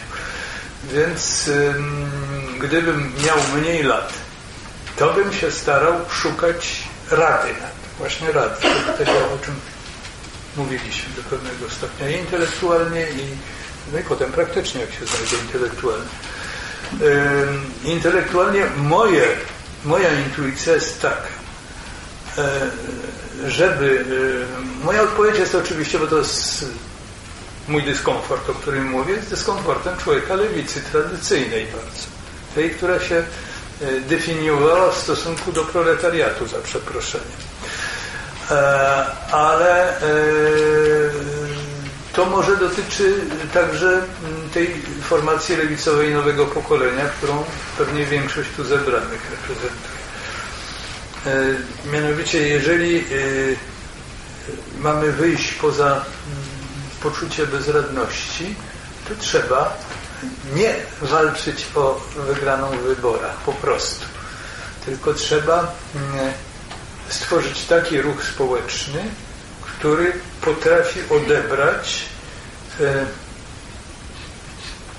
ten rodzaj niezadowolenia społecznego, populistom, którym populiści gospodarują. Czyli trzeba, krótko mówiąc, moje, moje zdanie, gdybym ja był w wieku takim, że jeszcze ode mnie można się było czegoś spodziewać, żebym ja jeszcze coś potrafił, to ja bym szukał sposobu, jak e, zepchnąć na margines e, Jarosława Kaczyńskiego, zagospodarowując zupełnie inaczej i w inny sposób to niezadowolenie społeczne, na którym on żeruje.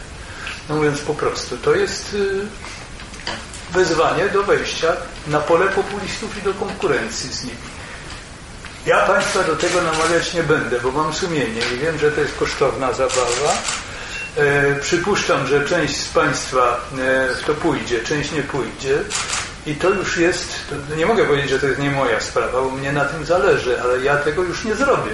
To jest, każdy ma swój czas. Mój czas się skończył, minął. E, a Państwo będą to robić. Może się uda w którymś momencie. Oby, ja uważam. Jak się uda, jeżeli, e, co daj Panie Boże, Amen, sprawią Państwo jakąś zmianę istotną w tym świecie naszym i w kraju naszym także, i w świecie naszym, w takiej mierze, jak myśmy sprawili, to potem też Państwo będą niezadowoleni, bo to będzie wyglądało inaczej w rezultacie niż Państwo aksjologii. Jeśli mogę coś za, zakrakać, że tak powiem, na temat przyszłości, na podstawie własnych doświadczeń, ale tak się toczy świat. To znaczy zawsze są tacy e, wariaci albo utopiści, którzy się zabierają za jego naprawę. Są ludzie rozsądni, którzy kiwają głowami, pukają się w czoło, mówią, że się e, rzucają z motyką na słońce. Ponieważ się rzucają, się nie sięgają wprawdzie słońca, ale, ale coś tam się zaczyna poruszać i zmieniać i potem się okazuje, że zmieniło się nie tak, jak sobie wyobrażali, nie tak, jak sobie za, zamierzyli. To jest po prostu nasz los taki uważam. Nie chcę Państwa z góry nastawiać na rozczarowanie, bo może Państwu odebrać motywację, ale przypuszczam, że tak, e, że tak będzie. Jakby Państwo tego nie robili, czy tacy jak Państwo, tacy ludzie, którzy są aksjologicznie niezadowoleni i niepogodzeni z e, obecnym stanem rzeczy, to by się świat nie zmieniał. No. A może lepiej, żeby on się trochę zmienił.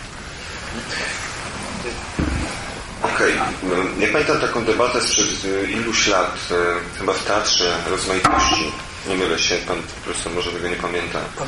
By, była taka debata, prawda? I e, wtedy właściwie doszliśmy do tego momentu. No, w tym sensie, w jakim to chyba, nie wiem, czy to były czasy rządów PiSu, czy, czy już po, ale, mm, ale też e, to właściwie było zdefiniowanie tego realizmu, czy tego, e, tej granicy akceptacji w E, przynajmniej w polskiej polityce, która, która była rzeczywiście e, tym poszukiwaniem bezpieczeństwa, albo tą taką gwarancją bezpieczeństwa. Znaczy, że, że chociaż ochronić tę Polskę przed populizmem kaczyńskim, z tymi wszystkimi zastrzeżeniami, które Pan wykonał. Ja pamiętam, że myśmy przez lata i teoretycznie, praktycznie na tyle, na ile można było z tej teorii korzystać, e, próbowali definiować ten główny spór polityczny w Polsce, który był zawsze, przynajmniej zawsze, od kiedy ja mówię, mogę mówić zawsze, zawsze był rozczarowujący, bo nigdy nie był jakimś sporem układającym się według jakiegoś sensownego politycznego podziału, światopoglądowego podziału. E, w tym tylko był zawsze sporem, powiedzmy w konkretach, o bardzo dziwne rzeczy.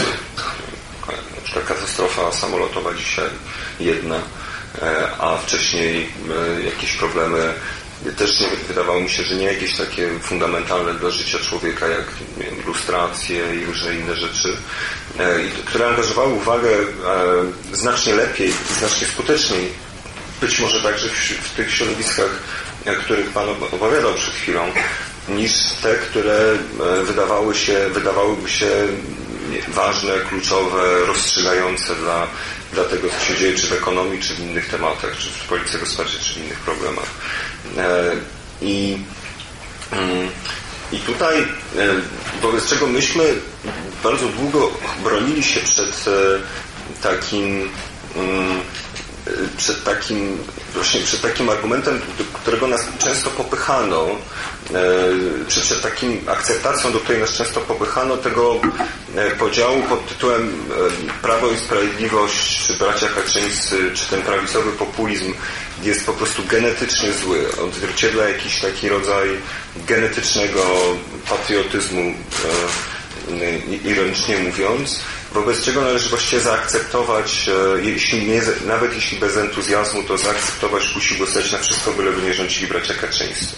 Myśmy uważając się za środowisko lewicowe nie bardzo chcieli brać udziału na przykład w popieraniu jednego z dwóch konserwatywnych kandydatów na prezydenta e, albo przy wielu innych okazjach wzbraniliśmy się na przykład przed głosowaniem na albo przed popieraniem jako e, jakiś podmiot bardziej zbiorowy.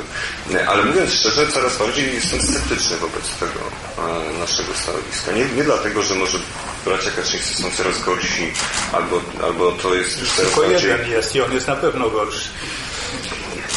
Tak. E... Tamten był lepszy, nie przypomnę, ja ich znałem obu.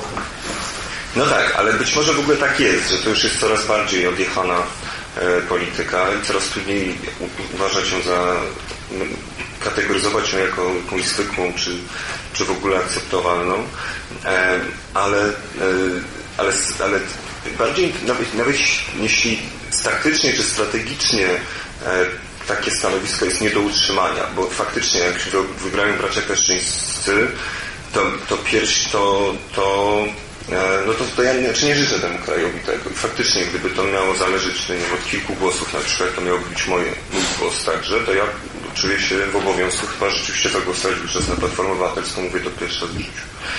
E, I e, ale interesuje mnie, jak, czy, jak, jak, jak, jak to jest rzeczywiście, to znaczy jaki argument intelektualny mógłby stać za takim stanowiskiem.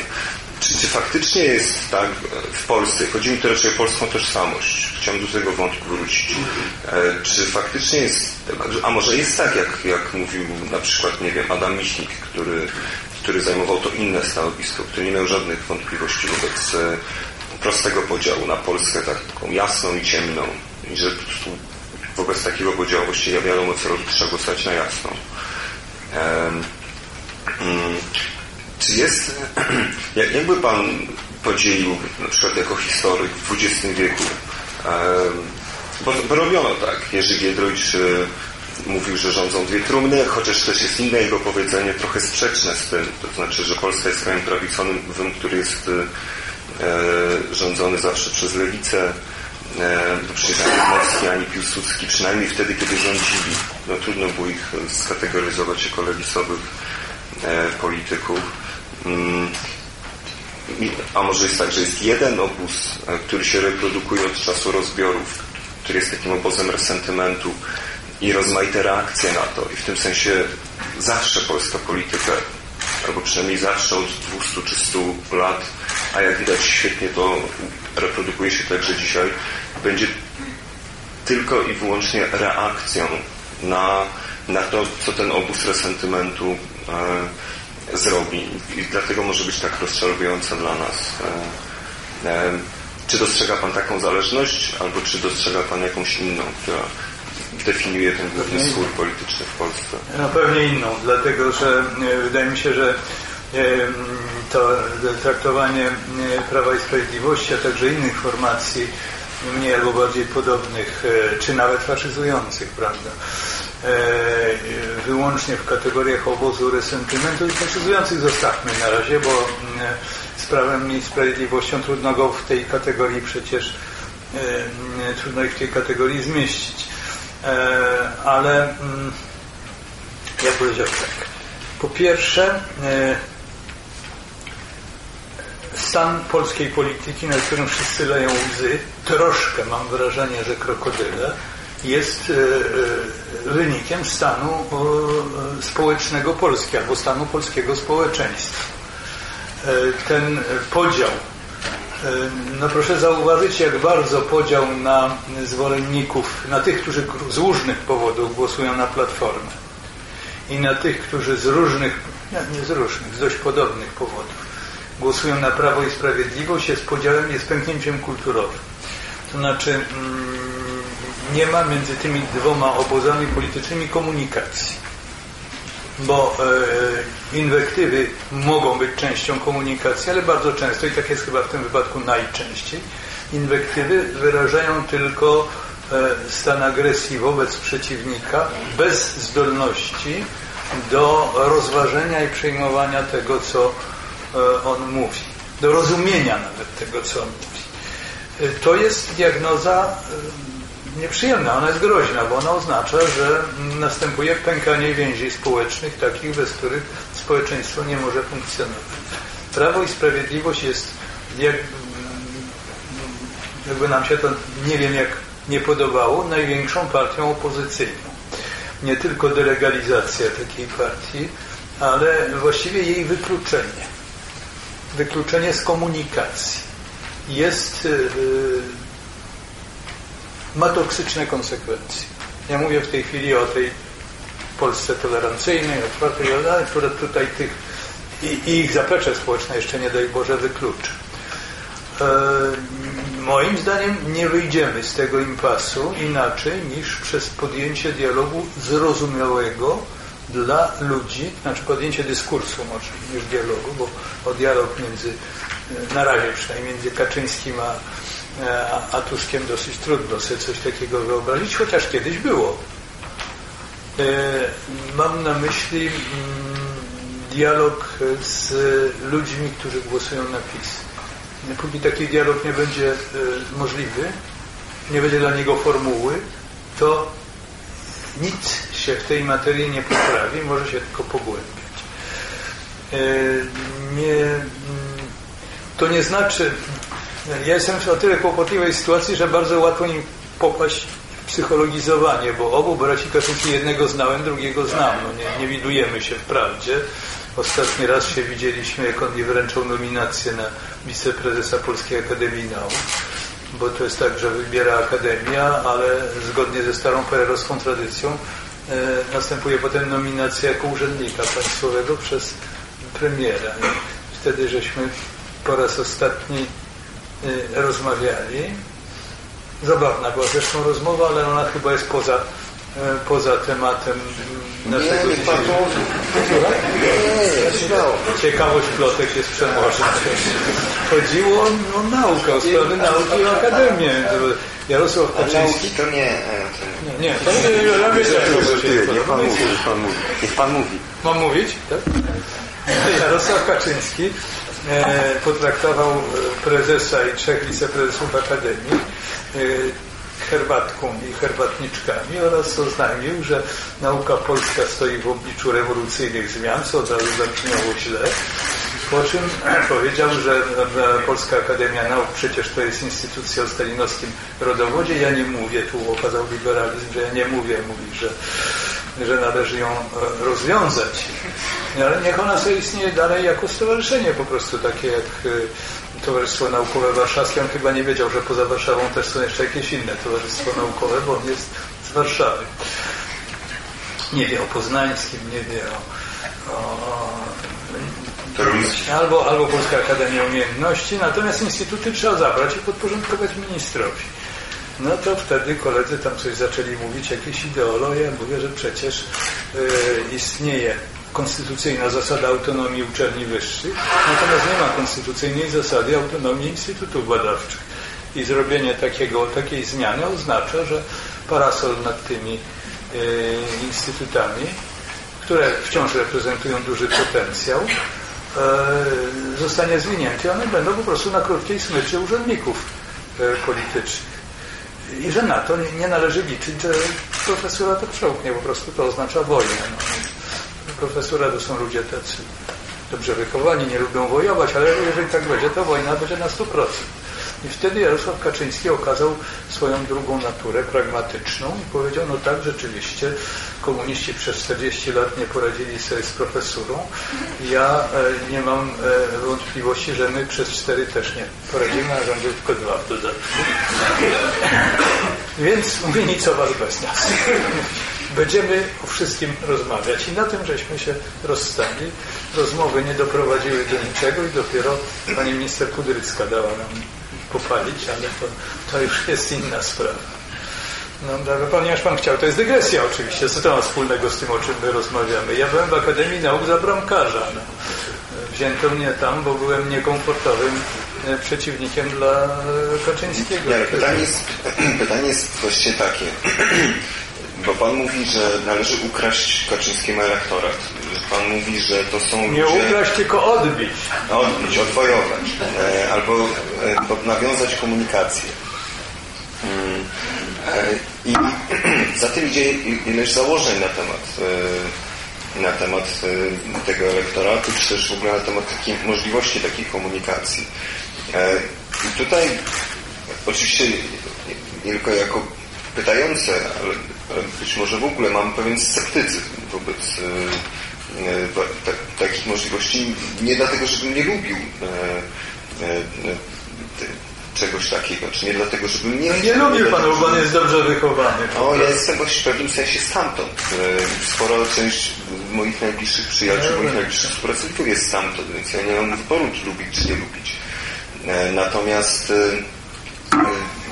nie, nie tylko jako osoba stamtąd, ale być może jako socjolog wiem też, że takie przekonanie, że podział klasowy to jest podział e, nie najprymitywniej mówiąc e, e, między tym, ile się zarabia, albo między nawet miejscem w podziale pracy, czy, czy, czy, czy w ogóle e, stopniem oddalenia od własności środków produkcji albo w jakikolwiek inny sposób to definiując, to jest, wydaje mi się, naiwne. Dlatego, że podział klasowy albo przynajmniej w którejś instancji albo w, jak, w którejś konsekwencji odbija się na, na tym, co można nazwać takim kryterium poznawczym, to znaczy tym, co się, albo jak się, co się rozumie z tej rzeczywistości, jak się definiuje.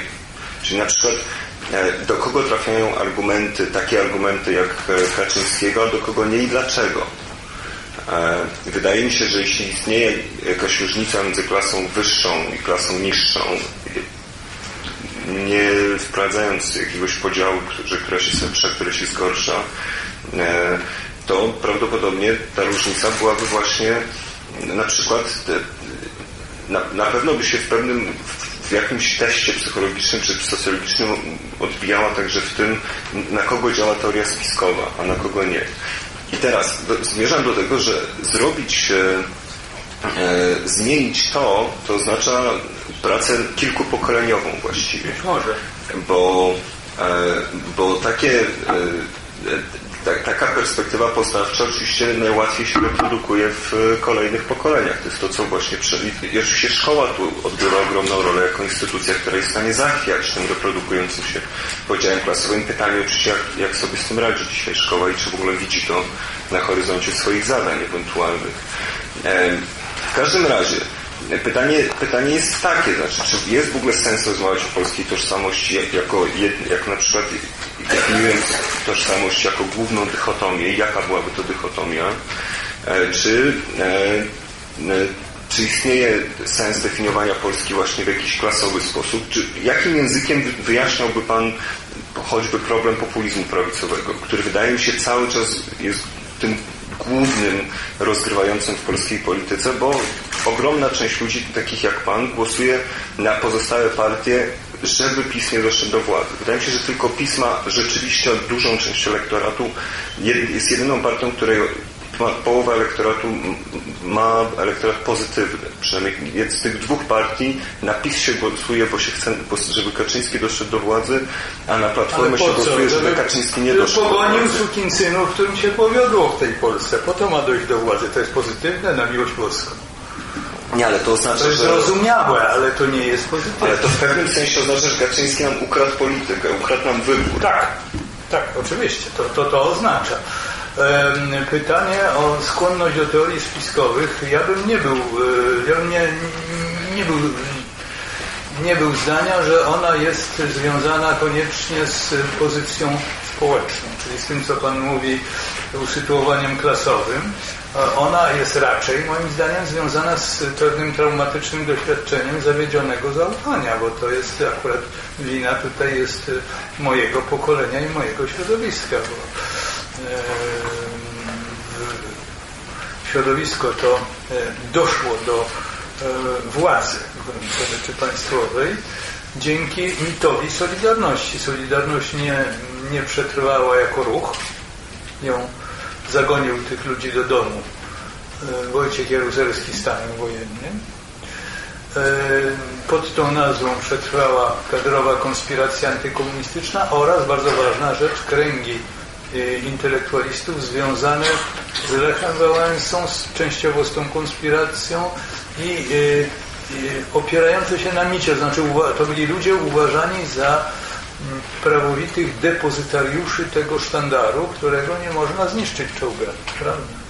Ten sztandar e, okazał swoją siłę w strajkach 88 roku. No to byli ludzie ani, ani nie z dawnej Solidarności, tylko bardzo młodzi, ani z konspiracyjnej Solidarności, tylko nowi zupełnie. I oni zażądali, żeby ten sztandar wznieść do góry znowu, bo oni zażądali, żeby przywrócić Solidarność. To był jedyny sposób komunikowania się z krajem i z innymi fabrykami e, ponad e, e, sprawą płacową, o którą chodziło w każdym strefie. Prawda? Więc generałowie musieli rozmawiać z Wałęsą. Jeżeli mu najpierw powiedzieli, panie Wałęsa, taki pan silny, to nikim pan powie, żeby oni przestali. Że wiedzieli, że to nie jego ludzie. Mieli swoją bezpiekę, która świetnie miała, świetne miała rozeznanie w tym. Wałęsa powiedział, przestańcie, oni przestali. No, to wiadomo, z kim trzeba gadać w takiej sytuacji. Yy, I potem ludzie, którzy dali za wygraną w grudniu 1981 roku, czyli ogromna większość tej masowej bazy Solidarności, którzy y, nie wrócili do aktywności przeważnie, ale którzy w 1989 roku powiedzieli po wyborach, no wygraliśmy, potem zaczęło, zaczęli przegrywać. Praktyce, w życiu codziennym swoim zaczęli przegrywać. Ktoś nam ukradł nasze zwycięstwo. No to jest, na tym tle rodzi się skłonność do, i do okrzyków złodzieje, i do przekonania do rozmaitych spiskowych teorii, no bo mieli prawo poczuć się oszukani. Ja uważam, że tego rodzaju doświadczenie historyczne, bardzo toksyczne, ono ma duży bardzo wpływ na tę skłonność do teorii spiskowych. Ja już nie mówię o tym, że w ogóle to sprzyja pewnym stanom umysłu, które opisują psychiatrzy. Bo e, te stany umysłu występują wśród polityków. Nie trzeba uważać, że Jarosław Kaczyński jest wolny od pewnych e, takich e, skłonności związanych z manią, a zwłaszcza Macierewicz z manią prześladowczą, ale podatność na takie rozumowanie, ona jest y, duża e, w y, społeczeństwach, w których istnieją takie traumy. One nie muszą być w pełni uświadamiane, ale takie traumy związane z zawiedzionym zaufaniem. No, ja nie mówię, że łatwo jest. Y, również nie wydaje mi się, żeby krytyka polityczna, która jest powiedziałby porządny komuch, to powiedział niestety niestety środowiskiem ludzi dobrze wychowanych była przygotowana do tego, żeby konkurować z populistami, bo to wymaga e, no, walki na ich terenie, czyli posługiwania się jakimś takim językiem, który e, dla Państwa nie jest łatwy. Pewnie wymagałoby, ja nie wiem. E, ale Właśnie, czy to jest kwestia trudności, czy to jest kwestia moralna też? Słucham? Nie, oczywiście, że jest kwestia moralna. Oczywiście. No, no dobrze. Nie, ja, e, nie, ja, ma, nie ma lepiej. Ja jeszcze niestety rodzi dużo pytań w głowie, a już trzeba było z Państwem oddać, ale o jednej rzeczy sam Pan wspomniał, Panie że na początku, e, to znaczy, tak jak w Polsce wydarzyło się e, w całym regionie, wobec czego należy wyłączyć takie czynniki e, indywidualnego wyboru albo przypadku, E, z tego polskiego kształtu transformacji. Dlaczego właściwie tak się stało we wszystkich innych krajach także? Ja myślę, że to jest nacisk e, świata zachodniego nie, i to nie nacisk polityczny, rozmyślny, tylko jakby to powiedzieć nacisk stanu faktycznego. Stan faktyczny jest silniejszy niż wszystkie stany wyjątkowe. E, I, e, a poza tym to jest nacisk e, związany z, ze schematycznym, szablonowym myśleniem, które jest powszechne w polityce światowej. Niby dlaczego nie miałoby być. Które jest dość prostackie i, i ze względu na które niech Pan spojrzy na te tak zwane, niech Pan poczyta tych krytyków, rozmaitych krytyków, na choćby Kowalika, krytyków Balcerowicza. Ja nie mam nabożeństwa do krytyków Balcerowicza i zupełnie nie mam nabożeństwa do Balcerowicza, ponieważ uważam, że jest to, yy, przepraszam, nie, nie powinienem używać brzydkich słów, ale jest to doktryner po prostu dość ciasny yy, i yy, jego skuteczność z tego wynikała oraz z, z typowej ignorancji polskich inteligentów, a zwłaszcza intelektualistów, którzy czynią cnotę ze swojej nieznajomości ekonomii i skłonni są wierzyć w to, że e, ekonomiści posiadają taki jakiś talizman, który pozwala im, profanom, wytłumaczyć bardzo prosto i w sposób niebudzący wątpliwości, gdzie leży prawda.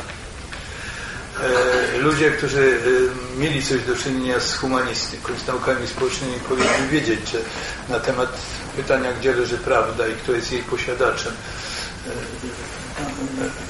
lepiej sobie nawet nie stawiać takiego pytania. Akurat uważali, że ekonomistom mogą zawierzyć jak hydraulikowi, który jest fachowcem, bo oni się nie znają na tych śrubkach. Czy naprawić kran i potem kran nie będzie ciekł. I że Balcerowicz, że Balcerowicz mówił tak, to jest jak dwa razy dwa proste, tabliczka mnożenia, przecież wiem, bo to jest jedyna słuszna doktryna, a kto mówi inaczej, to albo jest y, ignorantem, albo jest oszustem. No. I oni w to wierzyli, do dzisiaj w to wierzą, albo chcą. Do czego jak tu wlazłem? Sam sobie nie wiem. No w, w każdym aha, bo mowa o szablonach, o szablonach umysłowych. E, pisali, słusznie pisali ci no, Kowalik i różni inni krytycy o tak zwanych brygadach Mariota. Państwo wiedzą oczywiście, co to jest. No nie, były brygady Mariota, to byli jacyś, mieli, mieli kamień filozoficzny, nie mieli, ale byli przekonani, że przyjeżdżali z, z, ze świata, który miał szpalec, miał pieniądze, kasę miał do świata, który był w ruinie. Uważali, że ten świat się zawalił, no bo prawda jest, bo Związek Radziecki yy, się zawalił i tym samym zawalili się wszyscy jego satelici. Oni tam akurat skłonni byli rozróżniać, że nasz okrągły stół przed murem berlińskim. No co to za różnica? Wszyscy są przegrali w tej zimnej wojnie, to wobec tego znaczy, że trzeba im zaaplikować nasze recepty. A z naszej strony była gotowość do przyjmowania tego, ale czy była, jak wyglądały ewentualne szanse robienia po swojemu, to ja nie wiem. No. Nie, prawdę mówiąc nie wiem, bo nikt nie próbował, co jest istotne. Nikt nie spróbował.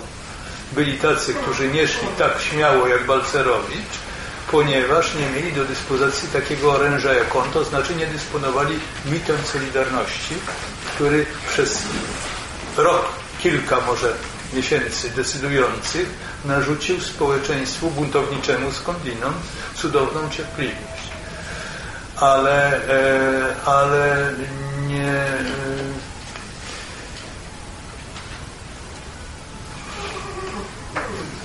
zasadniczo nigdzie nie było inaczej. Jeszcze ja bym dodał od siebie, że moim zdaniem e, przejście od gospodarki sterowanej na sposób praktykowany w obozie socjalizmu zwycięskiego, czyli sterowanej jak w wojsku właściwie na rozkaz, biurokratyczną dyrektywą i rozdzielnikiem do gospodarki sterowanej rynkiem, czyli gospodarki jakoś tam otwartej na rynek i na konkurencję, y, może się dokonać ewolucyjnie w takim kraju jak Chiny, to znaczy drogą, która prowadzi przez nad Tiananmen.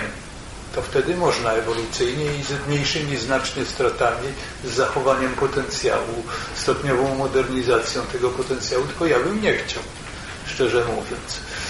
E, natomiast w innym przypadku, gdy dyktatura nie, nie, nie stoi na nogach, jak w Chinach, nie praktykuje swojego stylu rządzenia, nadal tylko się wali raptem i znika jedyny regulator, no to właściwie do tego żywiołu rynkowego trzeba przejść raz, dwa. I Balcerowicz, mm, nie wiem czy był tego świadom, nie przypuszczam, że on to zapewnił ze swoim doktrynerstwem. A inni bez doktrynerstwa, ale też to zrobili. Lepiej, gorzej, różnie zrobili w gruncie rzeczy podobną operację.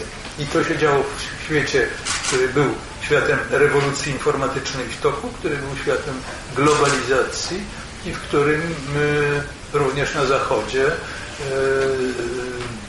wpływanie na gospodarkę przez państwo i przez demokrację stawało się coraz mniej możliwe. No i tak, tak to się tłumaczy, no pewnie siła wyższa w gruncie rzeczy. Ale nie jest to jedyna siła wyższa, która daje się, której można przeciwstawić inną siłę, tylko nie wiadomo, co z tego wyjdzie. Jak, jak już mówiłem parę razy Państwu. Wydaje mi się, że ktoś coś czuje, to nie jest tak. Słyszę jakieś jęki.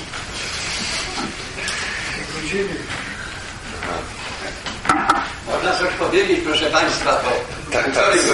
minęło, Pan widzę, nie ma ochoty publiczności posłuchać, a ja chciałem powiedzieć Panu, Dobrze, to- pana, to- że osłem obecnej Solidarności pod premierem niedawno było Donald kurwa mać. Wielki transparent, nawet dwa. Proszę Pana, co do czego dąży ta solidarność osłabiona, znana w świecie i tak dalej, i tak dalej. Pan tutaj się przedstawia, już nie wchodząc w szczegóły, jako skrzywdzony chłopczyk. Nie wiadomo, do czego pan dąży w obecnym czasie. Że kiedyś był pan dumny, domaga się pan orderu, proszę pana, posiedział pan w więzieniu, a pan pan mówi, o, przepraszam, nie, Nie pan mówi. Pan mówi, to pan nie jest zachwycony tym, co z tego wynikło. No przepraszam bardzo, uważa pan, że Chiny umiały, a myśmy nie umieli, proszę pana. Wie pan. Nie, ja uważam, że co, Chiny wiemy miały dlatego, że Chiny stanowią potęgę, to my się jej kłaniamy, bo ma siłę, tak? A nie dlatego, że coś zrobiła dla ludzkości czy dla ludności. Proszę pana, więc wie pan, więc przykro mi bardzo, chciałbym bardzo, proszę pana, ale wie pan, e, e, wynika mi z tego, proszę pana, że panowie albo nie wiedzieli, co robili, albo nie chcieli wiedzieć, dobrze służyli Reaganowi, pani Thatcher, etc. Dziękuję bardzo. A nie tym, co pan mówił, e, robolom, którym by się pan chciał pokłonić. Bo może pan to robić, a pan tego nie robi. Przepraszam. Dziękuję. Dobra, przyjmuję w pokorze. Yy, yy, Rzeczywiście yy, myślę, że mm, część z nas nie wiedziała, co, znaczy nikt nie wiedział, co robi, prawdę mówiąc, jeżeli mam być szczery. I tak było we wszystkich rewolucjach dotychczas, nikt nie wiedział, co robi i co z tego wyjdzie. Więc nie jesteśmy być może wyjątkiem. To, co było w 1989 roku, zresztą nie miało struktury rewolucji, raczej do rewolucji podobne było to, co było w roku 80 i 81. I to zostało skasowane przez stan wojenny akurat, ale e, no ja- nie wiem, czy to tak bardzo się różni, to co Pan mówił od tego, co ja mówiłem, tylko w formie się bardzo różni. A w treści, Tak, że, a w że treści pan, do że pewnego działał jakby albo nieświadomie, albo z premedytacją. Tak jak powiedziałem na końcu. Na życzenie Ronalda i pani Margaret. Znaczy, Proszę. Ro- Ronald Reagan, Nawet, który- nawet Rakowski potrafił chwalić pana Ale. Ronalda, Ronalda Reagana już w 89 roku nie było. Proszę pana, ale przecież sprawa nie rozegrała się w 89, tylko trochę wcześniej. Proszę pana. A potem już, proszę pana, no, potem przyszedł Gorbaczow, proszę pana, bo właściwie nie wiadomo, co by z tego wynikło, przepraszam, że... No, no, przed Gorbaczowem to była sytuacja bardzo cienka. I my dyskutujemy o tym naprawdę zakłamując przed... Gorbaczowem była sytuacja kluczowa akurat dlatego, że upadek Związku Radzieckiego jest dziełem Gorbaczowa moim zdaniem. Nie naszym. No czyli, proszę pana, czyli nie upadek, tylko rozwalenie przez przywódcę, przez elity. Proszę To była, tak, wie pan, zaraz powiem, zaraz panu powiem, chcieli się bogacić. Ale po, zaraz, jak powiem, zaraz powiem, jak to, proszę się jak, jakbym to sformułował. skończyć zdanie. E, była próba, to była próba modernizacji imperium, które e, nie okazało się niewydolne w rywalizacji globalnej po prostu.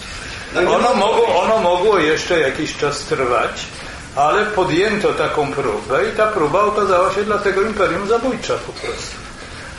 E, Gorbaczow. Gorba, Gorba, nie, nie była to zdrada. Gorbaczow nie zamierzał rozwalać Związku Radzieckiego, ale tak, ale słucham, skąd pan wie? Panie bo Ale gdyby, pociszy. No, bo gdyby, albo albo, słuchamy. Ale Reagan panu profesorowi powiedział. Żeby skończyć, żeby nie było kłótni, dobrze. E, Proszę skąd- pana, skąd- dlaczego Gorbaczow nie wrócił do Rosji? Słucham? Dlaczego Gorbaczow nie wrócił do Rosji? Dokąd? Do Rosji. Dobrze, to Dokąd nie wrócił? Proszę bardzo. szczegóły geograficzno-personalne zostawmy naprawdę. Dobrze. No Gorbaczow, Gorbaczow myślę, że nie, że gdyby zamierzał rozwalić Związek Radziecki, to dzisiaj na pewno by sobie to przypisał jako zasługę. A, ale tego nie czyni, tylko się przyznaje, że mu wyszło zupełnie co innego niż chciał. Dobra. Dobrze. Czy mamy e, jakieś inne pytania jeszcze? Nie, bo ja mam kolejne. Uwaga. Wasyl, Wasyl Czerepanie Ukrainy. Dziękuję bardzo. E, bardzo dziękuję za taką ciekawą rozmowę.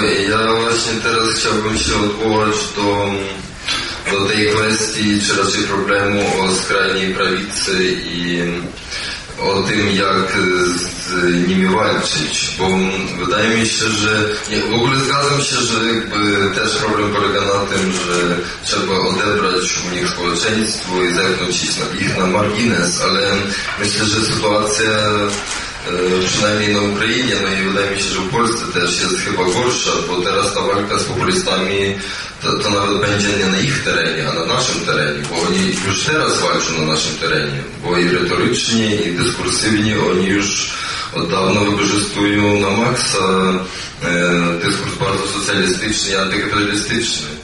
W jakim sensie oni posługują się lewicowym językiem.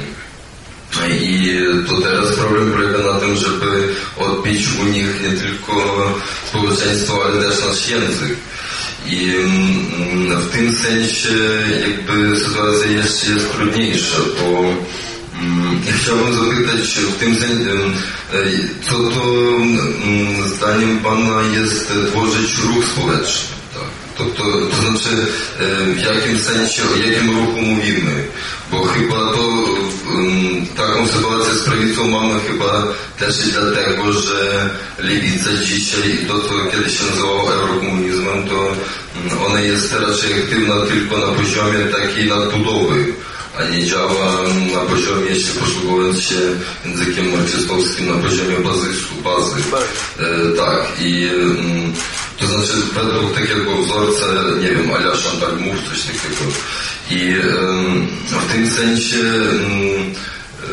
jasne, że to teraz chyba kwestia jest nie o wyborach, a o, o, o tym, czy, co Pan nazywa ruchem, ruchem społecznym.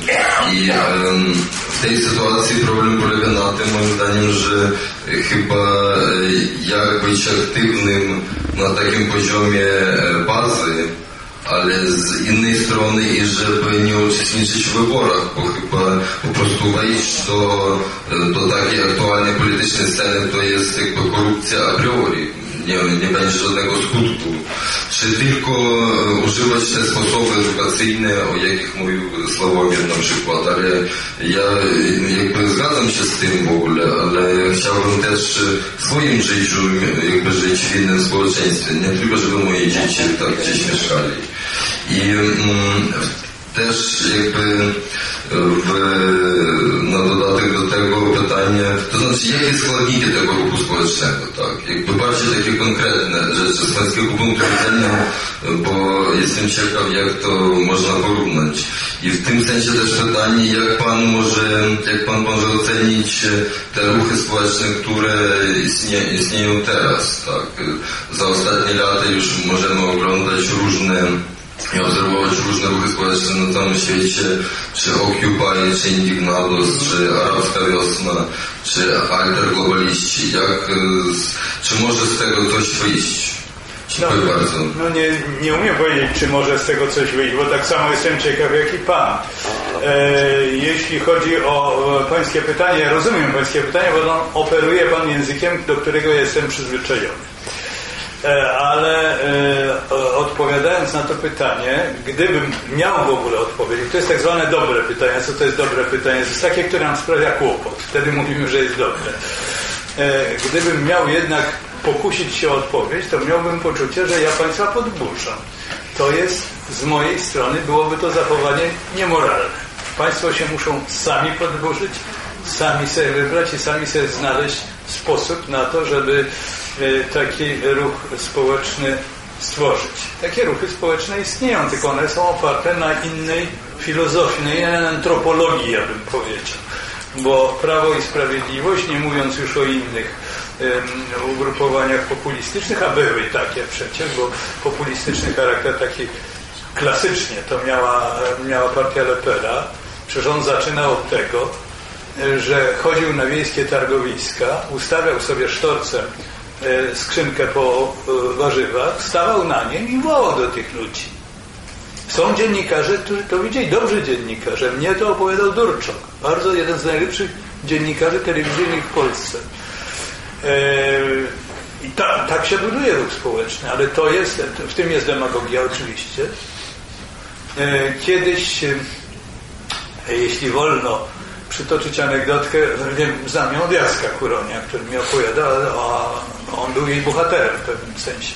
On był na jakimś tam konwentyklu młodzieżowym w 1957 roku. Chyba jeszcze wtedy Władysław Bieńkowski był ministrem oświaty, a Jacek działał w harcerstwie, więc miał z nim coś tam, jakieś wspólne sprawy.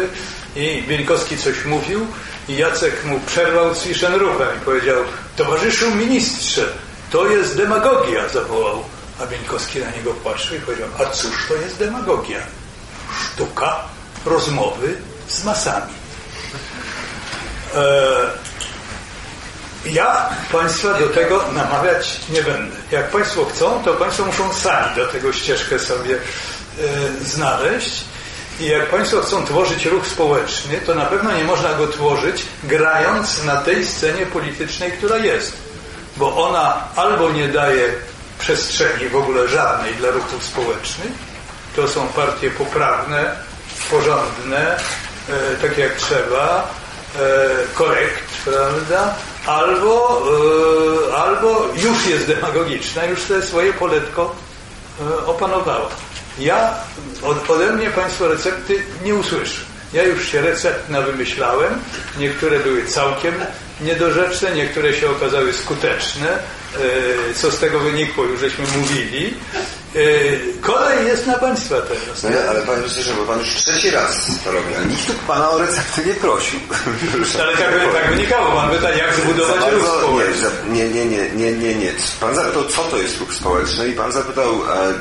E, a, co to jest ruch społeczny? To jest, I to jest bardzo dobre pytanie. To jest, to, to jest dobre pytanie. Solidarność ta, która się Panu tak bardzo nie podobała, oczywiście nie w stanie wojennym, w stanie wojennym to co innego, ale przed tym, to był ogromny ruch społeczny ale tyle czynników się złożyło na to, żeby on nagle się pojawił, na to, to wcale nie jest tak, że jego e, stworzyli, e, bo mieli taki pomysł, jacyś aktywiści. Owszem, istniał przed tym pomysł wolnych związków zawodowych, a to było hasło, które nasi opozycjoniści czy dysydenci, jak Pan mówi, nie bardzo nawet wierzyli, że ono się da zrealizować. Jak to nagle buchnęło, to się okazało, że ludzie żyjący w warunkach PRL, e, którzy mm, o Jezu, no nie wiem jak to Państwu powiedzieć. Część z Państwa może pamięta nawet tamte czasy. No jasne. E, którzy nagle poczuli wolność po prostu i zaczęli się w tej wolności realizować sami. Sami. I oni to stworzyli. To, to było mnóstwo ludzi. Ja po prostu oczy otwierałem nie to ze zdumienia, nawet nie umiem opowiedzieć, określić z jakimi uczuciami na to patrzyłem. A chodziłem na zebrania założycielskie, bo widziałem najpierw stocznie w strajku, przez jeden dzień, ale widziałem, e, a potem opowiedziałem to Gejsztorowi, mojemu mistrzowi, który był e, jednym z filarów Biura Informacji i Propagandy Komendy Głównej Armii Krajowej swego czasu. On mi powiedział rzecz mało pocieszającą. Powiedział mi, panie Karolu, to wygląda zupełnie jak opis atmosfery w Warszawie w pierwszym dniu powstania warszawskiego. No to mnie się zrobiło, tak, dostałem gęsiej skórki oczywiście. E, ale... I skutki te same. Słucham? I skutki te same, przepraszam. No nie, skutki powstania to jest, e, Co? ja bym powiedział, że gorzej w pewnym sensie, a w pewnym sensie... No, w pewnym sensie, ale zrobić pokojowo, zniszczyć gospodarkę, to idealnie. No dobrze, w pewnym czasie, e, dlaczego, dlaczego tak uściśliłem to, to pytanie Was, bo, bo oczywiście my nie pytaliśmy o receptę, bo trochę za bardzo charakterni jesteśmy, po drugie trochę za bardzo wiemy, że tych recept one, ich nie ma w sensie jakiegoś algorytmu działania, tylko to są ja coraz, znaczy to są coraz bardziej rzeczy, które mają charakter, nie wiem, tworzenia więzi społecznych, budowania e, jak, jakichś takich um, rzeczy, które, których nie sposób zapisać czy rozpisać na receptę, tak mi się wydaje. Natomiast mm. mam takie pytanie, o które, e, o które o jaką wolność tu chodziło, bo po 1989 roku zapanowało takie ogólne przekonanie, że istnieją dwie koncepcje wolności za Azją Berlinem, przy czym jedna jest jednoznacznie zła, druga jest jednoznacznie dobra. Ona jest dobra, jest ta wolność negatywna, czy też prawdziwa. To znaczy taka, która nam zostawia w granicach, kiedy nie ingerujemy w wolność negatywną drugiego, swobodę e, funkcjonowania, swobodę postępowania. Jesteśmy wolni od, e, e, od wpływu państwa, rynku, tradycji, kościoła, różnych innych rzeczy. A wolność pozytywna to jest ta wolność do. E, wydaje mi się, że wolność, o której Pan mówił, to jest ta wolność do. To znaczy to jest ta wolność publiczna, taka wolność, w której to poczucie wolności następuje wtedy, kiedy uczestniczymy, wtedy, kiedy jesteśmy częścią, kiedy mamy poczucie wpływu a nie kiedy nie tylko, a nie kiedy nie mamy poczucia, że jakiś wpływ z nas został zdjęty. Prawdopodobnie to jest jedno i drugie, jedno nie odbywa się bez drugiego. Natomiast, natomiast e, e, czy tak jest? Czy, czy, czy, czy zgadza się Pan z tym? Bo zaraz powiem dlaczego. No ja się mogę tylko odwołać do tego, co sam widziałem i przeżyłem. To znaczy ta wolność, którą ja widziałem w latach 80-81 to była wolność aktywna, e, przeżywana w ramach zbiorowości, kolektywistyczna bardzo, o pewnych e, cechach, e, które mogły budzić lęk, ale autentyczna i to była naprawdę rewolucja. No. Tego nikt nie zaplanował. Tym nie można było, znaczy można było tym w jakichś granicach sterować ale pod warunkiem, że się z, to, to był fenomen, który obejmował moim zdaniem kilkadziesiąt do stu tysięcy ludzi e, w takim wymiarze czystym. E, spośród tych 8,5 miliona, naprawdę nie 10, które prawdopodobnie było członkami Solidarności których te 100 tysięcy ludzi jako ich naturalni liderzy prowadzili. E, i od nich e, właściwie od tego, co oni byli w stanie mm, zaakceptować z propozycji swoich własnych liderów, bo nie wszystko akceptowali, e, zależał w znacznej mierze bieg wydarzeń. Ci ludzie, te 100 tysięcy powiedzmy, była charakterystyczna bardzo różnica postaw w momencie mm, konfliktu bydgoskiego, czyli w momencie kulminacyjnym największej siły Solidarności, kulminacyjnym momencie tej rewolucji, e, po którym, po jego kompromisowym rozstrzygnięciu e, następował już odpływ i słabnięcie. Otóż w tym momencie wszyscy ci, którzy byli tymi liderami lokalnymi, aktywnymi, oni poczuli, oni odczuwali straszną frustrację z powodu E, tego, że na, na dobrą sprawę należy to nazwać tak, byliśmy u szczytu siły i nie wykorzystaliśmy tego. tego się tak nie mówiło, bo to brzmiało niedobrze, ponieważ e, świadomość zagrożenia istniała także zewnętrznego, istniała także wśród tych ludzi. Ale byli po prostu naładowani furią. Jednocześnie ja pamiętam ludzi, którzy szli na ten strajk ostrzegawczy czterogodzinny, który był powszechny E, rzeczywiście ten strajk ostrzegawczy e, połączył e, na, na, na wartach, w każdym razie strajkowych, we wszystkich fabrykach, które wizytowałem wtedy we Wrocławiu, stały trzy osoby z trzema różnymi opaskami. Solidarność, Związek Zawodowy Metalowców albo tam inny branżowy i Komitet Zakładowy PZPR. Nie wiem, kto popierał wtedy rząd. Ale ludzie, którzy szli masowo do zakładów, żeby je okupować, byli ponurzy, zdeterminowani ponurzy, ponieważ wiedzieli, że ja nie byli żołnierzami, a tym bardziej nie byli żołnierzami ochotniczymi. E, że to się może e, źle skończyć, także dla nich źle się skończyć. I, jak e, Wałęsa z doradcami rozbroił te bomby psychologicznie, to była tak z jednej strony furia tych aktywistów związkowych, ja mówię o aktywistów z dołu, na samym dole. Z drugiej strony ogromne, słyszalne, niemal westchnienie ulgi tych pozostałych nie musimy iść na żadne barykady. A, no co Państwo powiedzieć? Ja podaję historyjkę, przykład. E, co to jest ruch społeczny? Oczywiście to jest ruch społeczny już w stanie, e, kiedy on idzie w rozwiniętym szyku, jest potężny. Ale ruch społeczny e, to jest coś, co trzeba, on się stworzy sam oczywiście. To nie jest tak, że można, że można go zaprojektować i zbudować, jakby istniała w tej materii jakaś inżynieria. Ale można załatwić przywódcę i będzie spokój. Nieprawda. Nieprawda. Tak. Ruch społeczny, ruch społeczny nie opiera się na jednym przywódcy i przywódca, przywódcy natychmiast odbija ster, jeżeli, jeżeli nie potrafi prowadzić, czy przywódcom, jeżeli nie potrafią prowadzić tego ruchu w sposób zrozumiały właśnie dla tych jego aktywnych podmiotów. I powtarzam, to było e, bardzo nie, nieklasyczne, bardzo niepodobne do tego, co, co, głosią, co głoszą ideały demokracji liberalnej. To było kolektywistyczne, e, ale było autentyczne. A co państwo, z czym państwo będą mieli do czynienia, to ja nie wiem, no ja naprawdę nie, ale my przyjdziemy nie znam przyszłości. Kto jeszcze ma pytanie? Uwaga, bo ja tu widzę wiele znamienitych osób, mogę wywoływać z imienia i nazwiska. Ale nie trzeba, bo tam jest e, chętny, chętna.